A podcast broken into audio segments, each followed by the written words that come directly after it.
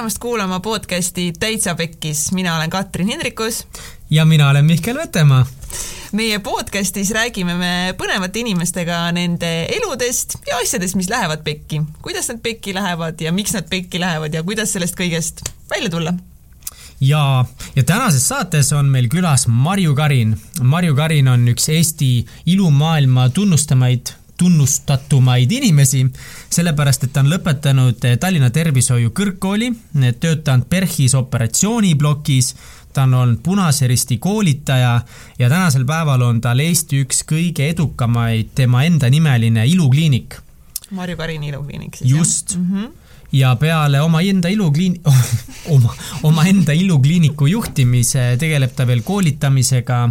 ta on ema, ta on vanaema ja ta on igasuguseid muid asju ka veel. ja, ja praegu minu teada õpib veel doktorantuuris ja ja, ja õpib veel Hiina meditsiini. ja nüüd õpib veel Hiina meditsiini ja on üks ütlemata vinge naine. ja tema iseenda kohta ütleb, et ta on ka sõge naine natukese ja temaga vestlus meil oligi küllaltki põnev.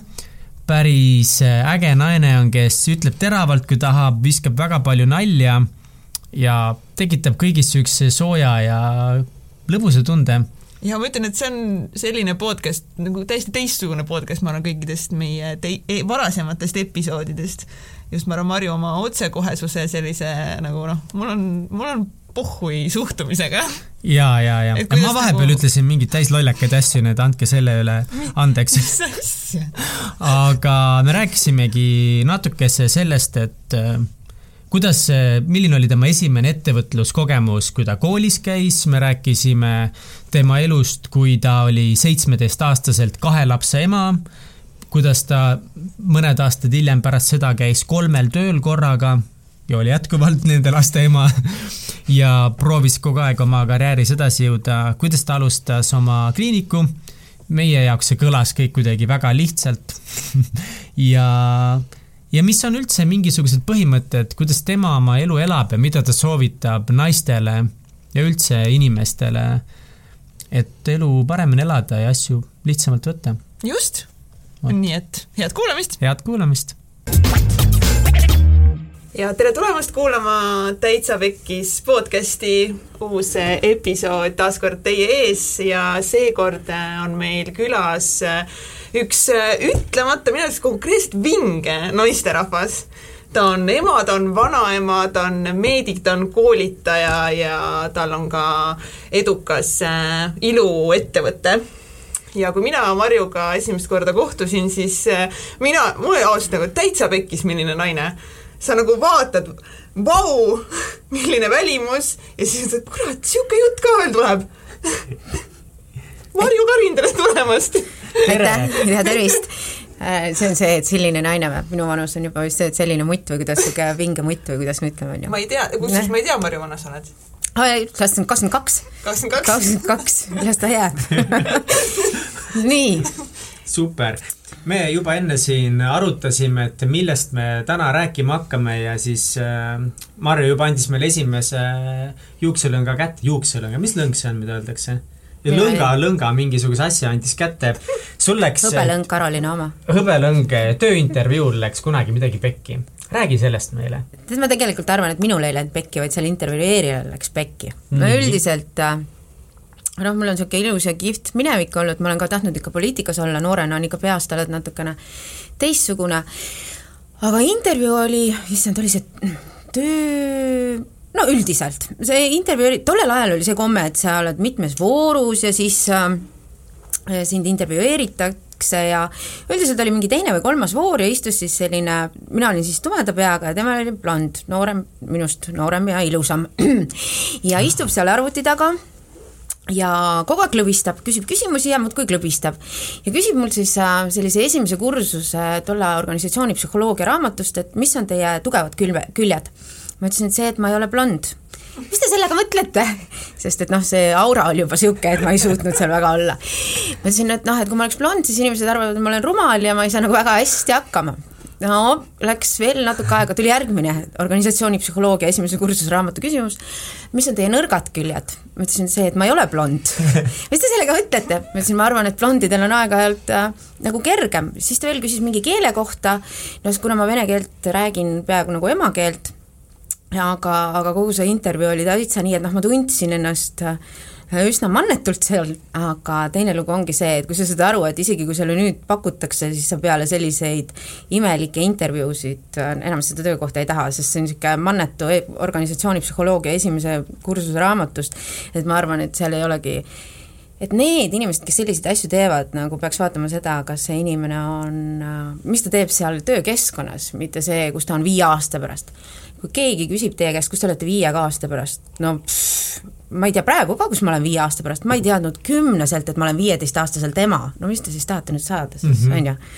ei ole mõtet selliseid lolle küsimusi küsida. siis ühel hetkel otsustasid ikkagist juuksed blondiks värvida? no jaa, noh, sest et blondidel on ikkagi, olgem ausad, natuke edukam.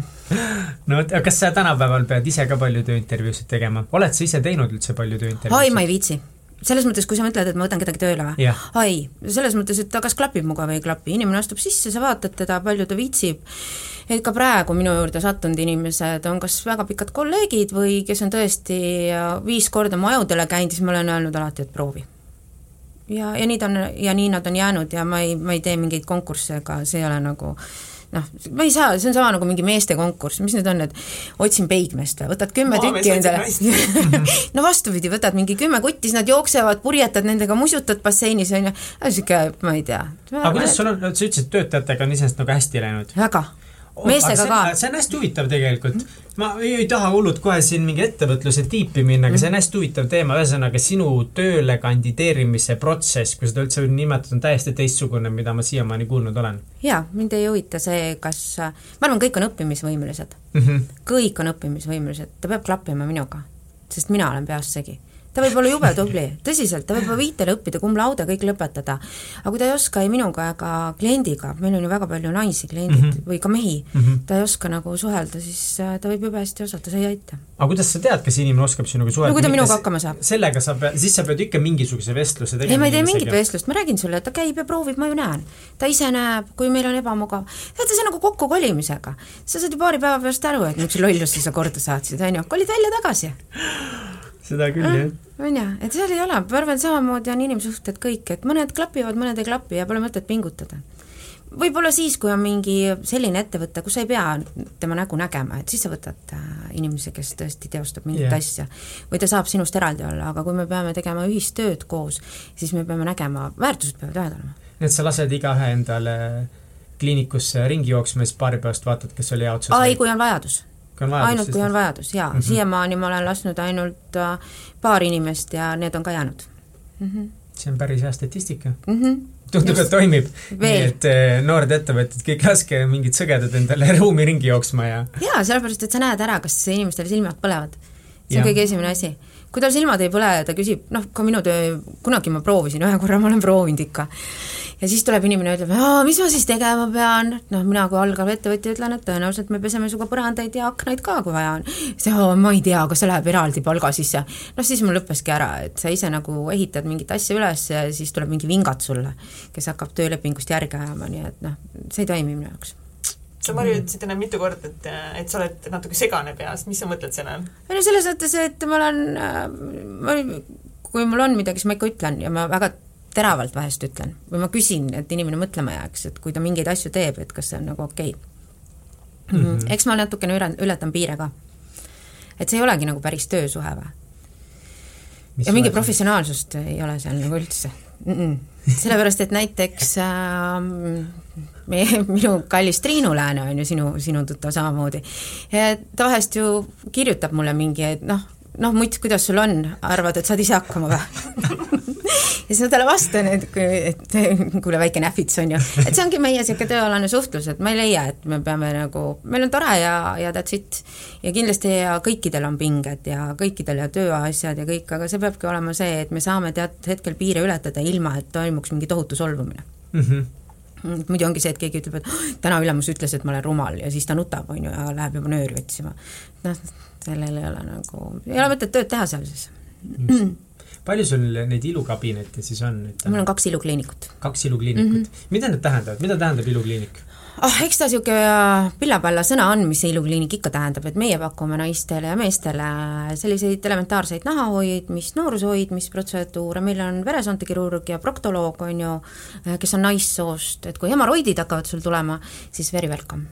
Very welcome, ma tean, kui tulla jah, just. jaa, meil on nii hea, nii hea arst, et see on nagu kukub pikali, seal, seal ikka võtad rahulikult riidest lahti, mitte ei, ei, ei mõtle, et silmad on läbi täis ja, ja taguots on punne täis, on ju. aga kas need kliinikud tegelikult, mõlemad teevad sama asja, nad teevad erinevaid asju? selles mõttes, et äh, mul on teatud ruumides on koolitusruumid, sest ma õpetan elustamisi ja kõiki muid asju ka mm. -hmm. ja mul tütar teeb brain camp'i ehk motivatsioonikoolitus, on ju, et noh, see ongi niisugune me oleme ära mahutanud kõik, mis võimalik, on ju, ühe, ühe-kahe katuse all aga millal sinust siis sai ettevõtja? ma ei mäleta. ma arvan siis, kui ma hakkasin äh, esi-, kolmandas klassis tunnistusi poistele võltsima raha eest sellepärast, et nad tulid, neil oli kahed ja, ja neid äh, kahtesid oli vaja teha ümber viiteks vanemate jaoks. ja siis äh, minu isa oli niisugune targem mees natukene et õpetas mulle natuke keemiat ja ma ei mäleta seda segu, aga pastaka mahavõtmiseks oli vaja kaaliumpermanganaati, margansovka on ju, et vanem generatsioon teab seda Tripperi lilla nime all, sellega tehti mingi segu ja vesinikuga tupsuti, ma ei saa seda vist praegu avaldada. pastakas kadus ära, ilusti tupsutasime ära, triikisime ära ja panime uued viied peale, tipp-topp. lapsed said jõulukingid, muidugi aasta lõpus nad said ketuka isa käest, aga samas üheksa kuud oli rahulikku hingamist ja ma müüsin vist seda, ega see odav ei olnud. oli mingi kakskümmend viis rutsi oli vist tunnistus või? päriselt no ega mina ei ole süüdi, no päriselt, see on aegunud seitse aastat, vaata möödas. ikka, ikka, ma arvan, sellest hetkest sai minust ettevõtja. kuigi mu süda on alati vasakpoolne olnud. okei okay,, mida see tähendab?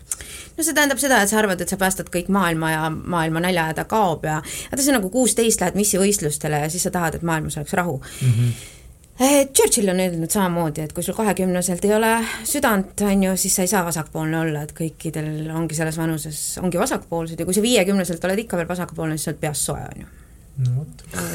aga see trikk vist tänapäeval toimib e, e-kool kõik hinded on ja, ja ei, enam ei, seal pead teistmoodi juba, seal pead lähenema juba teistmoodi. see on juba jah, tänapäeval häkkereid on vaja mm. -hmm. kindlasti mõni noor teeb seda ka raudselt. ma arvan küll. ma olen kuulnud isegi, et on, on küll sisse häkitud mingisuguste eksamite tulemusi on vaadatud ja, ja, ja laiali jaotatud ja ühesõnaga ettevõtja noorest peast jah, aga ebaseaduslik ettevõtlus oli ei, nagu üheksakümnendatel no, oligi ebaseaduslik. ettevõtlust on ebaseaduslik jah, et tollel ajal oligi võib-olla ka see, kogu see maailm oli natukene võib-olla crazy m ka noh, muidugi meile alati meeldib mõelda, et meie noorus on palju kihvtim olnud ja noh, mis teie üldse taipate, on ju sellest mm. -hmm. jah, aga üheksakümnendatel igaüks ajas oma asja, pappi tuli, noh, palju ju ei tulnud, ega see on ka hooajatöö, on ju. veerandi hinded, pool aasta hinded et see oli hooajatöö, see oli nagu täna oleksid need, kuidas need projektid, projektipõhine mm. -hmm. Mm -hmm. no sa oled, kui palju tunnistusi ära tegid? ma ei tea, ma arvan kuskil kakskümmend, kolmkümmend tunnistust. ikka omajagu. no jaa, jaa, no kuule, ma elasin Lasnamäel ju mul oli seal kolm, kolmeteistkümnes, tollel ajal viiekümne kuues, kuuekümnes, sa arvad, poisid ei õpet-, õppinud ühtedele või? Mm. ja, ja, ja mul oleks seda väga vaja olnud, mina no, tegin niimoodi, et ma tõmbasin äh, ma ei tea, kuidas see loogiline on, aga ma tean, ma konkreetselt tegin seda, et ma tõmbasin päevikust lehti välja, aga ma lihtsalt hakkasin mõtlema, et kuupäevad siis ei klapi enam ju päevikus mm. -hmm. aga ma tean, et ma tõmbasin päevikust lehti välja lihtsalt ja ma mõn-, noh, mõnikord ma pääsesin ka, aga selles mõttes, et see oligi niisugune nädalane, kahenädalane pääsemine mitte tingimata üheksa kuud rahu ja aga siis mingi meil olid ju need veel suured, need õpetajapäevikud, noh, kus oli kõik mm -hmm. vinded. me võtsime mm -hmm. nagu, ise võtsime kuidagi enda kätte need, siis tegime kolmeteist viied või mingit siukest noh. ja, ja seda me oleme ka teinud, olid jah, suured õpikud, jaa, oli, sinna me ikka mm -hmm. ka sodisime midagi, seal ma päris võltsida ei saanud, sest selle lehe kuivamisega läks vaata aega ja triikimisega, et nii kauaks me päevikuid enda kätte ei saanud. aga tavalist paberitunnistust sai teha küll, jah mm. -hmm. Mm -hmm. ja siis, kui nad pidid kooli tagasi viima, sest õpetaja oleks näinud, et kahet, siis nad ütlesid, et nad kaotasid ära tunnistuse. no järgmine kord oli lihtsalt kaks rida rohkem maha võtta aga siis pärast otsustasid ikkagist minna meedikuks õppima? ai, see tuli pärast, pärast, millal pärast? ma ikka sain vahepeal lapsi ja ja siis ma läksin meditsiini õppima. Äh, ja siis ma läksin edasi psühholoogiat õppima ja siis ma õppisin veel riigiteaduseid ja siis ma tegin doktorit vahepeal poliitteadustes ja miks sa nii palju erinevaid asju õppisid? igav oli. aga miks sa ettevõtlust siis ei teinud, kui igav oli? Ei no ma tegin ju kogu aeg, ega siis äh, igasuguseid asju sa ikka tead. ei noh, sul peab olema, vaata kui sa, kui sa koju ei lähe ja sul armukest ei ole, mis sa siis ütled kodus, on ju. siis sa õpid, noh, sa ei taha kogu aeg mingi lastekisa sees ka olla, siis, siis see on kaval õppima minna aga räägi siis oma sellest loost, et äh, viieteist aastat said esimese tegelikult lapse. ma sain kuusteist, ma olin kuu aja pärast sain kuusteist. aa, jumal tänatud. jaa, see oli, see oli ikka pääsemine praegu, see oli ikka pääsemine mm. -hmm et kuidas ma selle lapse sain, et kirjeldan kogu kirjelda seda, kuidas see laps no alguses oli see... niimoodi, et koolis oli üks ilus poiss ja selle ilusa poisiga oli siis nii lugu, et mingi kuus klassitäit tüdrukut, mingi kooli ilusam poiss, on ju. ma olin niisugune väiksem šaakal, noh, pisike paks musta peaga tüdruk, on ju, ma mõtlesin, nendele muttidele ma panen küll ära. Ja nii see läkski. Ja siis äh, kuusteist äh, oli esimene, tead sa, viisteist või kuusteist, lähme nüüd ei, ei ikka viisteist, ma sain kuu aja pärast kuusteist, nii et sinu jumalal praegu ei ole küll kohta. ja seitseteist ma sain teise tütre. ja koos elasime vist kolmteist või neliteist aastat. me lihtsalt kasvasime, mis kasvasime, ju meil mõlemil oli vaja veel vaadata, mis maailmas toimub, on ju enne me rääkisime ka siin omavahel natukese, et noh, et me uurisime, et noh, mis, et kas sul tulevad pähe mingid asjad, mis sul on elus on suuremad väljakutsed olnud ja pekki minekud olnud ja siis sa nagu pigem tahtsid ikkagi öelda, et noh, et et on nagu tobe asju öelda, et läks pekki, et tuleb lihtsalt asjadele otsa vaadata, edasi tegutseda ja kuidagi mitte lasta ennast mõjutada, mõjutada või häirida nendest suurtest väljakutsetest, aga ma kujutan ette, et viieteistaastaselt laps saad ja seitsmeteistaastaselt teine peale nagu oli siis lihtne, kas sul vanemad kõik võtsid rõõmsalt lapse vastu, aitasid ai no minu või? iseloomu juures neil ei jäänud muud üle, on ju, ega siis siin ei ole, sul, sa paned nad lihtsalt fakti ette. jaa, ei mind on muidugi aidatud ja kui keegi ütleb, et teda pole aidatud ja ta on kõik üksi saanud, siis ta valetab mm. -hmm. ilma teiste inimesteta ei ole sa mitte kunagi mitte keegi, et alati aidatakse. teine küsimus on see, et palju sa seda vajad ja kui märtriks sa ennast seda, sellega teed, et ma ka praegu vaatan, et inimestel kõigil on jube raske. keegi saatis just mulle mingi, et tulge uuele koolitusele, et lumehelgpekesed organiseerivad organisatsioonis. ehk siis uus generatsioon organisatsiooni töökeskkonnas, kes siis tahavad saada, on ju, viis-kuus tuhat eurot palka ja mitte midagi teha. jah, ehk siis lumehelbekesed ja kuidas nendega toime tulla et no meil ei olnud ju niisugust värki või see töö tegemine, noh, see füüsilise töö tegemine oli ikkagi kuidagi nagu au sees või ma ei oskagi öelda, et see, kes rohkem ikka nühkis, see oli ikka tublim või vaata, tehastes olid mingid autahvlid ja värgid kõik, on ju. ikka, kui Maša tõmbas ikka viis aastakut, tõmbas ikka kuradi aastaga ära ja siis ta oli ikka kõige kõvem mutt, kõik plaksutasid ja noh, kui, kui sisukas see oli, aga ma olen isegi pioneer olnud. ja nagu siiralt uskunud kogu seda jama, sest et ma pärast küsisin isalt ja emalt, et miks nad nagu kohe ei rääkinud, siis nad ütlesid, sulle ei saanud rääkida, sest sa oleks koolimaja põlema pannud ja ütlenud, et nüüd on Eesti vaba jälle. et sellepärast hoiti mind üsna sügavas pimeduses. et äh, sest et mina olin esimene, kes koolis hakkas koolivormi vastu võitlema. ja, ja siis see pull läks lahti, siis me hakkasime punkariteks ja nii see läks mm. -hmm. ja et äh, ei ole mingi küsimus raske, sest ma arvan, et need inimesed, kes ise mõtlevad oma asjad rasked, neil ongi raske. see on mõtlemise küsimus ma arvan, raske on praegu maailmas neil, kes on kurat teab kus ja kelle lapsed on surnud ja kelle mehed on kuskil, vot neil on, võib öelda, et on raske. Ja nad ka elavad, saavad hakkama ja võib-olla isegi tülitsevad õhtul telgis kuskil teise mutiga ühe, ühe, ma ei tea, vee pärast või muu, vot neil on raske. Mina ei saa öelda, Eestis ei ole raske. ma ikka pean veel küsimust, kuna ma olen ise viimased mingi kaks aastat nagu mõelnud selle peale, et see mõte minust kui isa on tegelikult sihuke päris lahe, et mulle juba, mul ei ole veel mm. ühtegi last, aga mulle on vaikselt see mõte täitsa meeldima hakanud aga, mis on nagu siis need kõige suuremad väljakutsed, eriti kui sul on kaks last ja sa oled seitseteist? et kas, kas siis on mingeid väljakutseid sinu jaoks selles? aa ei no pidutseda tahad rohkem, sa pead, väljakutse on see, et sa pead leidma lapsehoidjaid jube tihti. noh, et see on nagu see, aga tore on, kui vanavanemad on ja igasugused, kes ikkagi hoiavad ja et see on kõige suurem väljakutse. aga noh, sind ma vaatan, sa hakkad juba vanaks jääma, et sul seda väljakutset ei teki, noh. mul on kohutav. teine asi, mis lastega, ma arvan, tekib, ongi see, et äh, minul seda ei ole, aga ma vaatan kõrvalt, siis kõik pabistavad hirmsasti üle noh, üle, ülepabistamist on palju, et äh, üks osa on nagu tore, et me elame heaoluühiskonnas, kus me võime arutleda seda, et creme brulee eile oli restoranis, on ju, see karamell ei olnud nii paks või nii hea, samamoodi alustame täna vaktsiinid üle. et äh, ma olin Indias paar aastat tagasi kõigi oma pudinatega ehk siis äh, tütre-poja ja siis lapselapsega. ja kuna noh, mina lasen neil kõiki süüa ja kõike süüa ja nii edasi, nad mängisid jah, kõiki ja kõike. Ja nad mängisid mingite äh, koerte ja kassidega, järsku ma näen, et äh, valgetes pluusides noored käivad ja teevad oranžid ristid koerte peale, teevad neile midagi, mina muidugi kohe uudishimulikult juurde, mis te teete, nad ütlevad marutõve vaktsiini. Ja kui nad on vaktsineeritud, need loomad, neid tõmmatakse oranž see no mina ütlen siis ka, no palju teil siin ära on surnud, lõunakoha ja kuuralt, et eelmine aasta seitsekümmend neli kohalikku ahaa, siin mõni turist ka või? aa, ühte venelast hammustas, aga see jõudis lennukile, et nad ei tea, mis tast sai. mis tähendab seda, et millal meil oli Marju viimane juhtum? ma ei tea mm,. Pole kuulnudki, on ju. kui mu mälu mind ei peta, oli see kaks tuhat seitse aasta ja ma ei mäleta, minu arust ei olnud ka see inimjuhtum, mis tähendab seda, et aga miks ei ole olnud enam? sest kõik vaktsineerivad ennast kõik loomad on vaktsineeritud, kõikidele antakse vaktsiini ja sellepärast seda ei olegi olnud. ja reaalselt Indias suri eelmine, üle-eelmine aasta siis seitsekümmend neli inimest krampidesse ja lämbumisse, on ju.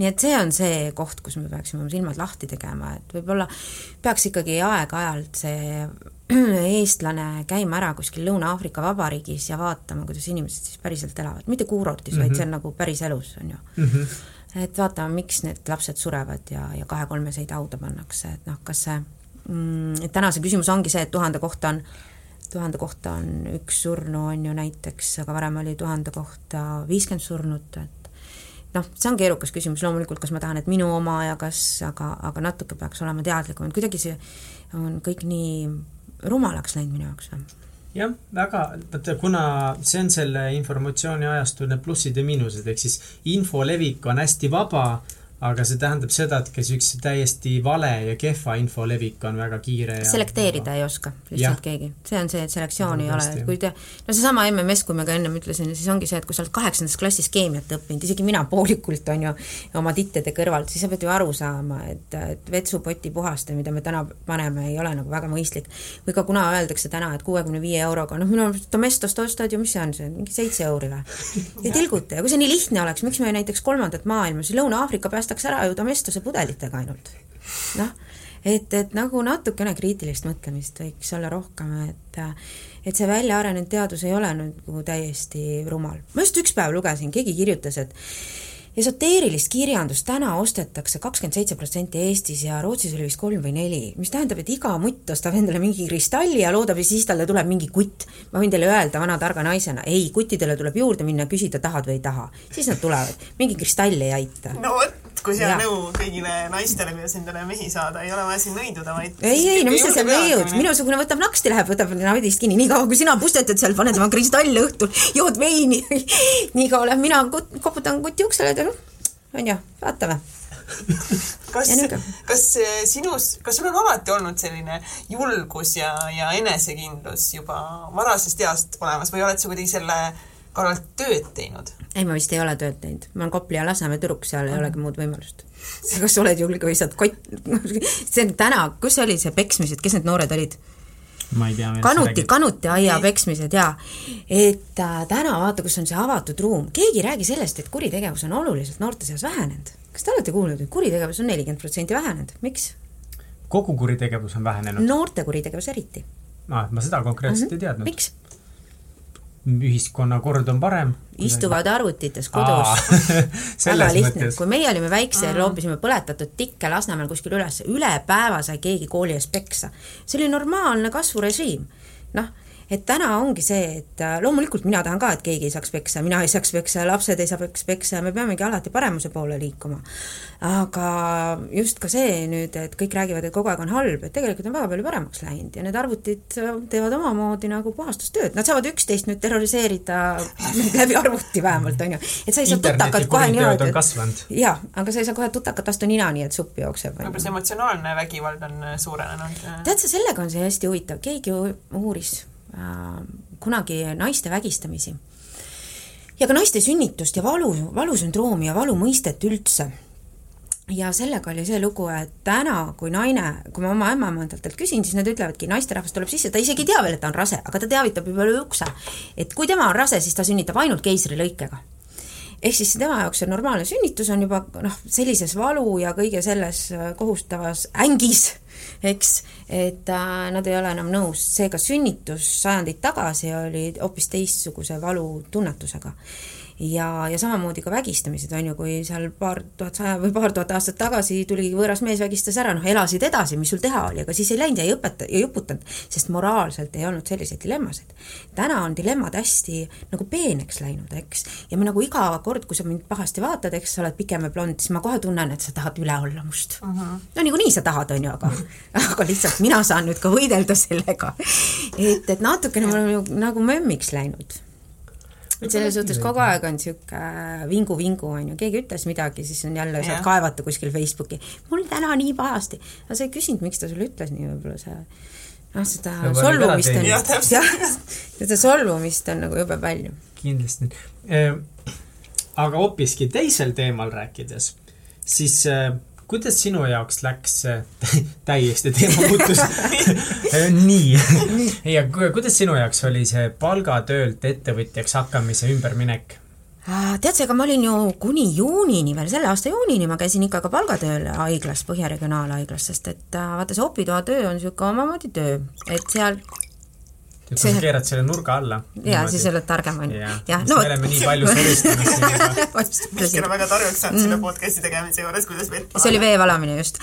et, et palga, palgatööle jõudmine või sealt ära jõudmine, ega mul ei olnudki seda enam palgatööl käimist vaja nagu, aga ma lihtsalt hoidsin kätt soojas, sest et kui sa ikka iga päev verd ja sõna otseses mõttes sitta näed, siis on nagu elu sulle ligemale, et äh, et kui sa lähed valge pluusiga ja mõtled oma muresid ja hommikul pead bussiga sõitma ja hommik on vihmane, siis äh, minu üks paremaid hetki elus on olnud võib-olla see, see täitsa pekkis hetk on see, kus sa oled noor, sa oled alles lahku läinud, sul on kaks last käte peal, on ju, sa käid kolme kohaga tööl, õpid magistratuuris ja siis sa mõtled, et sinu elu on raske.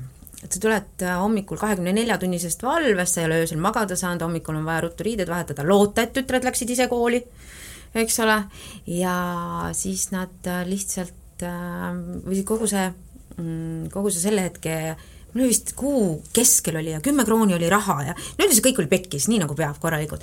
ma astusin välja, aga meil oli sellel ajal liftiremont ja kõik surnud siis, kes sellel hetkel olid, jäid meile sinna teisele korrusele opitoa taha.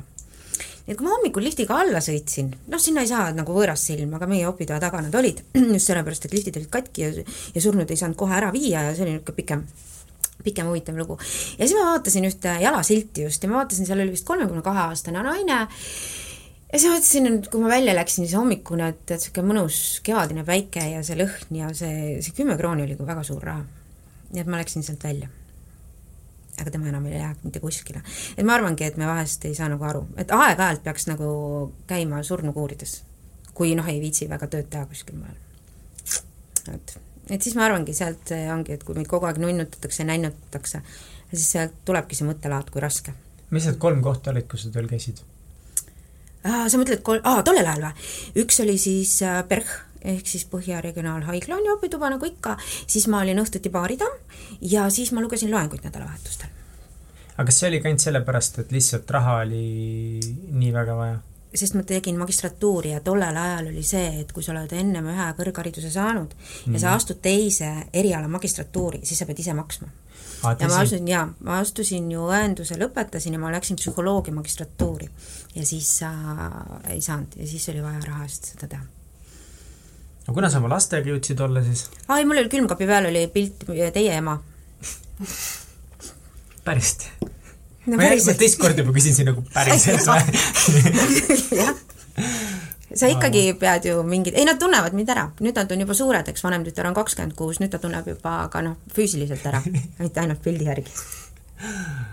aga see tundub ikkagi nagu suhteliselt nukker viis lastele kuidagi üles kasvada või? aa ei, kui sa leiad neile Nendel oli hea meel? ma ei, no kui neil hea meel, vaata, see on jälle see, et kus keegi võib öelda, sind polnud kunagi minu jaoks olemas, no, no, no, täna on neil teised võimalused tänu sellele, me peame ka arvestama, et loomulikult ma oleks võinud äh, kaheksandast klassist, siis kui mul esimene sündis, lõpetada ära õppimise, võtta ennast töötu abiraha peale, on ju, pesta kuskil taga nõusid, mitte et need nõudepesijad halvad on, kõik tööd on väga olulised, eriti restoranis kuskil, sest et äh, kui sa sööd sealt taldrikult, on väga oluline, kes pesi ja kuidas.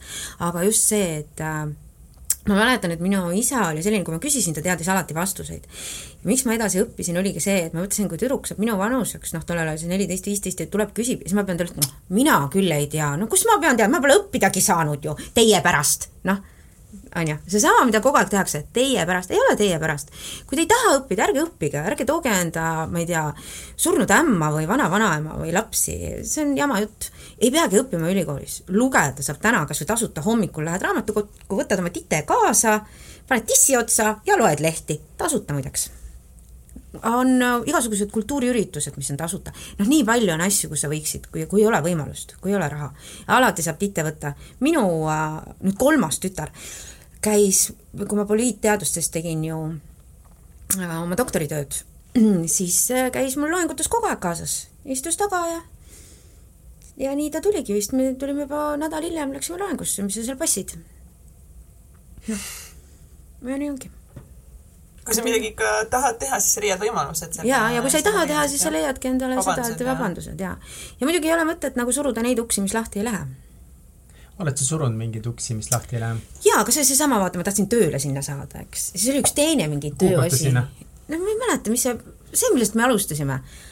See lugu, mis ta rääkis. see lugu, kus see blond, blondi, blondi lugu, jaa, aga oli veel üks töökoht, kuhu ma nagu tahtsin saada, sest et mul oli hästi hea kolleeg, kes mind tahtis nagu sokutada sinna, on ju, ja siis äh, see oli mingi, mitte ravimifirma, aga mingi opi, tollel ajal oli hästi prestiižne, kui sa oled kuskil ravimifirmas või noh, või mis prestiižne, pappi oli rohkem, hakkame sellest peale. siis kas see oli opi või mingi mölluke või mingi niisugune oli ja siis ma olin intervjuul ja siis kutt küsib mult mingeid asju, ma ütlen, et ma ei tea, et ma praegu Audentases teen nagu seda ja seda ja seda ja siis ta ütleb, noh, mis sa siia ronid, kui sa õppida tahad. noh, ja siis mind ei võetud. noh, jah, jumal tänatud. ma räägin veel ühe, mul oli kolleeg küsib mult, ütleb, et tema nüüd käib ühel koolitusel, see on väga hea koolitus. seal peab tegema nii, et sa paned kirja kõik, kus sa tahad olla see viie aasta pärast mm. -hmm aga ma tuletasin talle viie aasta pärast meelde, siis kui minul olid juba mingid oma koolitusfirmad vaikselt hakkasid peale, et kui mina oleks tollel hetkel öelnud, et äh, või et kui mul oleks kirjas see, siis ma oleks ikka kuskil veerand maad äh, maha jäänud sellest, mis mul on. seepärast ma ütlen, ärge kunagi mingit jama üles kirjutage yeah.. null ausalt, null hmm.. Mm -hmm. sest ei tead, mis sa hakkad tegema või? sa kirjutad üles, et mina tahan Brunot. Nüüd sina tahadki ainult Brunot sina isegi ei näe, et on Aadu, Peedu, Teedu, kes on nõus tegema jube palju asju sulle, sest sina tahad Brunot ja sina teed oma märkmiku iga päev lahti ja vaatad ikka Brunn, on ju. Brunnile oleme lähenenud nüüd poolteist aastat, saatnud lilli, möllanud, see ei tee ikka välja, on ju. aga Aadu, Peedu ja Teedu jäävadki, samamoodi jäävad väga palju töövõimalused sellepärast teil ära, et teil on mingi ilge siht sinna jõuda. Te noh, alati võite, aga kui sa tunned, et see uks on kinni, vaata kõrvalt, see uks tuleb alati sinuni ei ole mõtet lammutada. ei, sul on selles mõttes, sul on täiesti õigus ja, sest inimesed tihtipeale võivad ennast kuidagi väga kasti kinni panna mm, -hmm. aga mhm. samas ma näen, et see nagu, sa saadki nüüd arv-, öelda, mis sina arvad, aga mulle tundub, et nende asjade üleskirjutamine jällegi paneb inimesed mõnikord just suurelt mõtlema, et sa hakkad nüüd mõtlema, mida sa reaalselt tahad. aa, see on siis, kui sul ei ole unistusi, siis pane kirja. no näiteks, jah. aga kui sul on unistus mm -hmm. olla vaba, siis hakka pihta siis ei ole vaja panna, et viie aasta pärast vaba. jah, võib-olla sa oled kolme aasta pärast juba saad lahutuse kätte, vaata kõik korras olgu aga sa ütlesid, et, et sa alles hiljuti nüüd tulid täitsa palgatöölt ära. no ma ise maksan endale palka, jah mm,. no selles mõttes jah. nii et üldse enam. operatsioonisaalist tulid täitsa ära nüüd? jaa, jaa. aga miks sa siis tulid täitsa ära?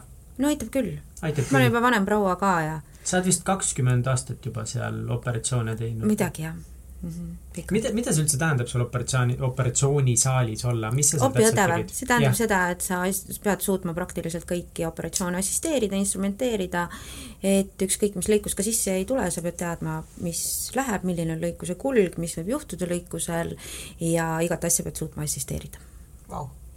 Mm -hmm nii et noh, kui sul on seal sada kirurgi maja peal, siis enam-vähem kõiki, kõigi jonni pead teadma et samas on, mina soovitan kõigile, kes lähevad psühholoogiat õppima peale keskkooli, mingu Selverisse kuus kuud kassapidajaks. ja ma arvan, et neist tulevad hoopis paremad nõustajad. just see, et sa pead ära tajuma selle pinge, sest opidoos on ka väga tugev subordinatsioon, väga tugev militara-, militaarne selline suhtlus, et seal on ikkagi väga jäik ja sellest, seal on elu ja surma küsimus ja see, mis toimub opidoos, seal väga vahest võib keegi halvasti öelda et meilt ka noored lähevad ära, sest nad ei pea sellisele vaimsele terrorile vastu, see on reaalne terror, noh nüüd me läheme paremaks, tuleb uus põlvkond, aga seal ei ole väga aega noh, teatud hetkel nagu olla väga viisakas, on ju, et palun ole kena, me muidugi harjutame, aga, aga ja, ja nooremad tulevad peale, ma pean ütlema, et nooremad on viisakamad, pole midagi teha. uus põlvkond on viisakam. et väga ei ole palju sid, selliseid sotsiopaate on vähem. aga kui palju need olukorrad, mis sa oled näinud seal operatsioonitubades, on mõjutanud sinu elu ja sinu elu, ellu suhtumist? sa mõtled äh, seda osa, mis on nagu, mis patsiendid äh, või sa mõtled seda omavahelist suhtlust? ma mõtlen just, et sa näed pealt nii palju asju, mis toimub, mis olukorras inimesed tulevad, no osad jäävad ellu, osad ei jää ellu. kogu see protsess, mis seal, mis see seal peaks toimub. olema lapsepõlvest saadik selgeks tehtud, et osad jäävad ellu ja osad ei jää. Ja kui sa näed seda pealt, ses mõttes, et me, Siis me, me võime Mihkliga ju teada, et ei, ei jää ellu, et ja keegi meist ei jää, aga kui sa nagu iga päev puutud kokku sellega, seda rohkem saad kinnitust sellele, et ei jää ellu. noh, see on nagu selline noh, nii nagu inimesed sünni, sünnivad, need surevad, ei, see ei ole selline ja kindlasti ei ole mõnusad juhtumid laste juhtumid, aga sellepärast ma tulingi lastehaiglast ammu-ammu ära, et äh, suurtega on lihtsam ja opitoas on lihtsam, sest et sa ei tea selle inimese story't. sa ei tea tema müüti ja jutustust. narratiivi ei ole ta taga, ta on lihtsalt lihakeha sellel ajal ma arvan, et kuskil onkoloogias, onkoloogia siseosakonnas, ükskõik kus olla õena ööd-päevad haigetega, kus sa tead tema kogu story't, on palju raskem. hingeliselt. seal ta on lihakeha. see on karm, aga nii peab olema, teisiti Ja, ja. see süsteem ei toimiks. aga Sest siis sa pead oma ise tunned ka, et iga päev on rohkem arvel sul või? Ei mm, -mm, ma ikka olen normaalne elupõletaja ei, ei, ma see ei häiri nagu. vaata, see on sellest, et kui sa elad siis ela õnnelikult ja ma just vaatan, et kõik minu ümber ka mutid on lolliks läinud, kes on veganid ja ma alati küsin, et kui te arvate, et te nüüd brokolit hakkasite sööma, et kas te surete nagu jänesed või? no siis nad muigavad ja rohkem minuga ei räägi, onju aga, aga noh, seda, ma saan aru, et tegelikult veganlus peaks olema see, et maailm läheb paremaks, Jah. onju, aga enamik, noh, ma ütlen, et minu vanuseid, kes on äh, nagu veganiks hakanud, mu oma parim sõbranna on vegan, ta ei tohi seda story't üldse kuuldagi, onju. et ähm, noh, tema veganlus on ka niisugune mõnusalt valikuline. et äh, nahkkingi ta ikkagi armastab ja kalleid aksessuaare, on ju, et, et see ongi see, et et aga kui ma nagu poole nooremaid vaatan, siis neil on see aus maailma päästmine aga noh, ma ei tea, äkki see läheb lõpuks kallimaks või? mis mõttes? Selles mõttes, et kõik see juurikate söömine ja kõik see muu asi, kui päikest ei saa ja tervisesüsteem ja noh, me näeme kõike seda, vaata Indias on lihtne, seal on niikuinii vaesus, inimesed on harjunud taimi kogu aeg lätsutama, on ju. aga Eestis ikkagi on kogu aeg olnud meil liha ja viin, on ju, noh, pole midagi teha. et noh, seda me näeme järgmise põlvkonnaga jälle, kui tugevad või nõrgad või mis uued haigused tekivad ei ole midagi nagu sellist võrratult head, mis teeks surematuks, ilusaks, võitmatuks. No eks igaüks peab endale, endale selle tee leidma, mis no jaa, aga noh, ma arvangi, et kui sa tahad, et elu või maailm oleks parem, siis see on, ma arvan, üks nagu mõistlik viis. alusta iseendast. jaa mm, -hmm. aga noh, ei, minu, mina olen elupõletaja, kui sa seda, jah. mis see elupõletaja tähendab sinu mõistes? ei no siis ikka, kui kutsutakse peole, sa oled peole, on ju. õige voh, see on Jah. õige jutt. ja miks, sest sa muidu oledki varsti ära surnud brokoli kätte. tahaks sinuga koos peole minna, vabalt, see võiks päris äge olla. on ju millal me lähme? no nägid, ei olnudki palju vaja, sa ütlesid, ta ei tule. ma ütlesin, tuleb, tuleb ju meil on kihlvedu, vaata, nii ja niimoodi saadki ettevõtjaks, võtsid tunnistusi, pead kuttide peal kihla, that's it. võidad, eks ole. võidad, jah. kuule, aga väga hea, et sa ütlesid ettevõtlusest, ma tahtsin selle juurde tagasi tulla, et nüüd me saime päris äh, huvitava olukorra, kus olid kolme töö peal, aga kuskohast hakkas tulema need esimesed ettevõtluse nii-öelda äh, ütleme siis legaalsed ettevõtlusi mm. -hmm. ja ei no selles mõttes, et hakati maksma ju, mul oli mõistlikum teha endale tollel hetkel FIE näiteks loengute jaoks, et, et võtta mitte palgatööna, see ei kohustanud ja siis ma tegin FIE-ks ja sealt läks O1 ja siis ta juba läkski mm. -hmm. ja siis tulid lihtsalt riburada pidi mingid asjad juurde. mis asjad tulid juurde? no näiteks see tervishoiuasutused on ju, kliinikud, noh, tulid juurde. no nii, palun väga, sa räägid nagu see oleks mingi täiesti lihtne suvaline väike asi, mille sa tegid, sul on kaks mingit kliinikut no., see ei ole niisama väike asi, kus me töötavad teeme- inimesed, te vastutate reaalsete tervete inimeste heaoleku ja ilu eest, Mhm. eks ole. No ma, ma ei tea, kas te elu eest ka seal vastutate, mõnes mõttes ei, meil ei ole seal selliseid ja noh, vaata, ega ma olen tark naine ju. ma ei hakka võtma endale samasugust tööd, mis ma kakskümmend viis aastat olen väikse raha eest teinud. no täpselt, aga kas siis on, ongi nii lihtne alustada ühte kliinikut, nagu sa ma arvan, sa pead tegema mingit asja, mis sulle meeldib, ongi kõik, ei saa. inimesed väga tihti mõtlevadki, et äh, ma ei tea, õpin, et see nägemus sellest, kelleks ma saan, on võib-olla filmi nägemus, on ju. Et väga tihti ka arstiteaduskonda arvatakse, et sa lähed ja päästad näiteks elusid, kümne aasta pärast saad aru, et niikuinii surevad osad, siis sa saad aru, et pooled surevad ja ülejäänud pool ei ole sinuga nii, niikuinii rahul ja siis hakkab see sisemine põlemine pihta et äh, algusest peale peab aru saama, et on osad, keda saab aidata ja on osad, kes niikuinii ei tahagi, et sa aitad. nii et noh, see, just seda välja selekteerida, et kas see, kas see on minu elukutse üldse mm. -hmm. Et noh, et see ei päästa tegelikult väga tihti ju kogu maailma, et see võib olla hea, hea, tore on, kui sa ühe päästad, on ju, sealjuures sa pead arvestama, et sul on kindlasti äh, luukirasid kapp täis. sest et äh, iga, igal kirurgil on mõni luukere kapis. ja see on normaalne, muidu sa ei õpi igal õel on mingi, mingi eksimus, et mina mäletan oma eksimust sellisena, et meil oli hästi kiire kõhuaordi anürüsmi lõikus ja tavaliselt me ei räägi mis asi? kõhuaort. Anürüsm on laiend ja seal on see, et kui see plah-, noh, lõhkeb sellel ajal, siis inimene sureb praktiliselt paari minutiga. ja seal on vaja panna ruttu aordiklemm, mis on pehme, sinna peale, siis äh, kuna oli niivõrd kiire ja meid oli nii vähe, siis mina sirutasin kirurgile hammastega klemmi. Ta ei kontrollinud mind kunagi ja see hetk ta kontrollis, tegi selle lahti ja see oli Mikulitš, kõige teravam klemm veel üldse. ja ta küsis, tõstis end silmad, küsis, Mann, mis sa mulle andsid? Ja ma vaatasin, see oli sekundi küsimus, kui see patsient oleks täna mulle ära surnud. aga miks ta kontrollis, kust see seitsmes meel tuli, ma ei tea, see on ka täitsa pekkis olukord, on ju. aga noh, siit ta kah, eks. elasime üle ja, ja pääses pääsime meie ja tema.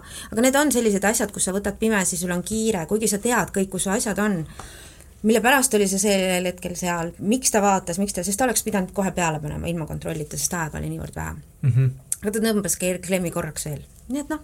jumal tänatud noh, ma ei tea, ma arvan, jumalal on praegu Süürias jube palju teha, aga, aga ju tollel hetkel oli, oli tal aega minuga tegeleda.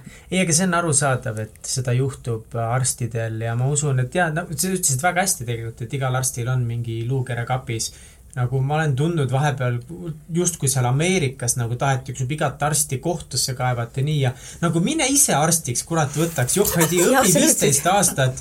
vahest siis, rohkem. vahest rohkem ja siis sul mingid elu-surma küsimused, sul on mingi seitse inimest seal majas, kes purskavad, lahmavad verd, onju.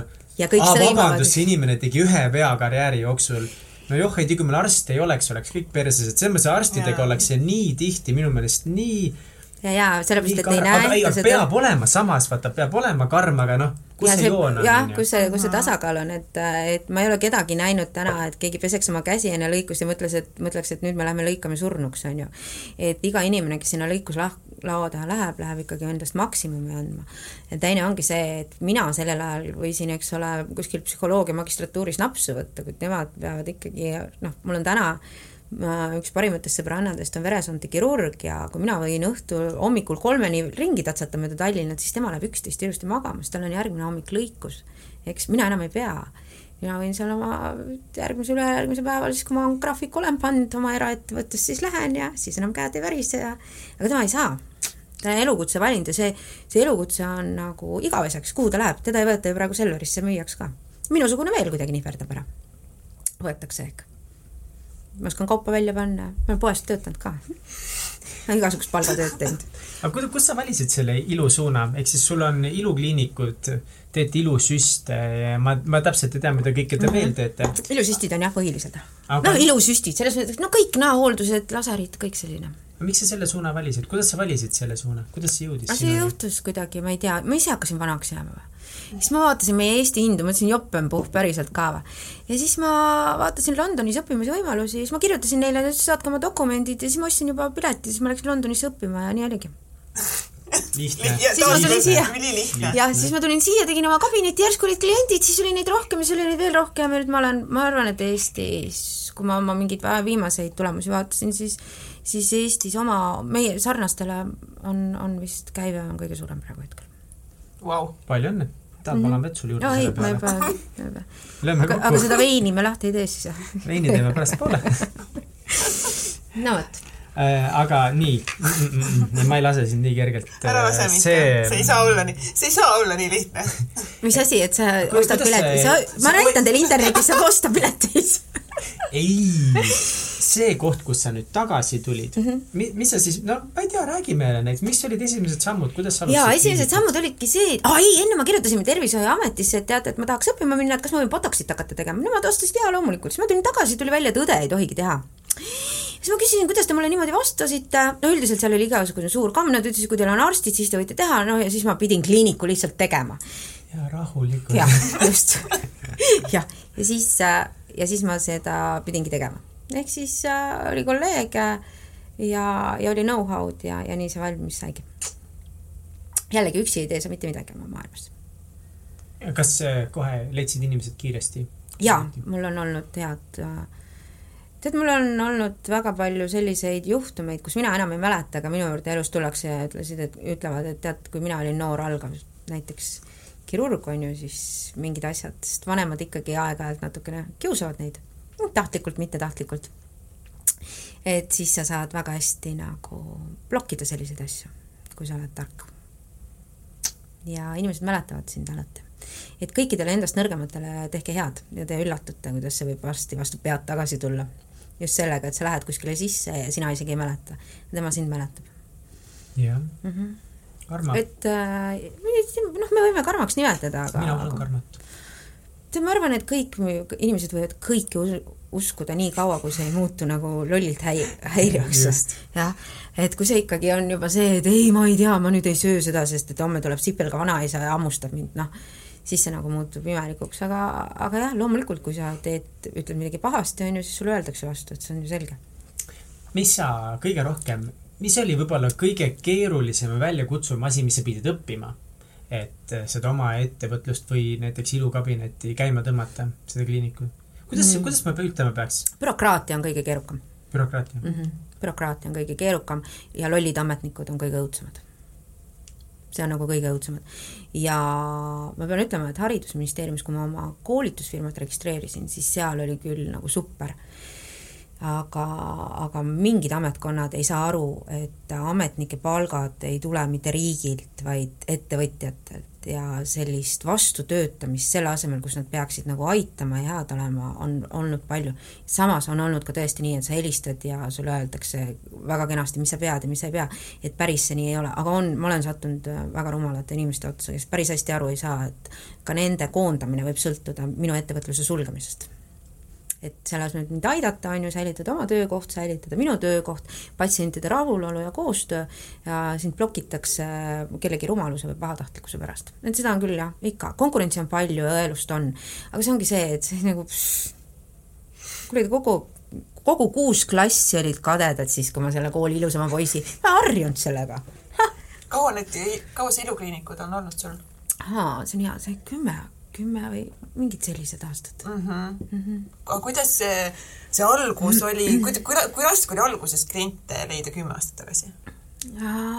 no siis oligi, sa panid mingeid kuulutusi, tegid ja siis nad tulid ja siis sa mõtlesid uusi mingeid nõkse ja ma lasin hinnad natuke teistsuguseks ja teine oli kindlasti see, et tuldi sellepärast, et ma olin Londonis koolitanud ennast ja see oli, oli kindlasti see, et meil ei olnud väga palju sellise niši nagu, sest need koolitused on üüberkallid mm. -hmm pikad ja kallid, et kui sa tahad nagu head koolitust saada.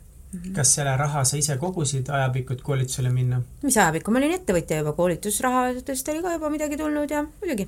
no vot, sa ei ole meile rääkinud üldse oma koolitusettevõtlusest. kurat, ma seda ennem ju ütlesin, hakkasin loenguid lugema. mis asja, mida see tähendab? no esmaabi loengud, vaata, täna on see hästi, hästi hea ettevõtlusvorm, sellepärast et te, te olete kohustatud igas igas firmas peab olema inimene, kes oskab esmaabi anda iga kolme aasta tagant ja, ja noh. see on mingi suurusega, suurusega ettevõtte töötaja. ai, ai, ei, kui sa oled üksinda ja sinu juures käivad kliendid, siis sinul peab ka olema esmaabipakk ja pead oskama elustada, kus sa nihverdad. nii no et äh, jah. ma ei tea, kus ma siin nihverdan.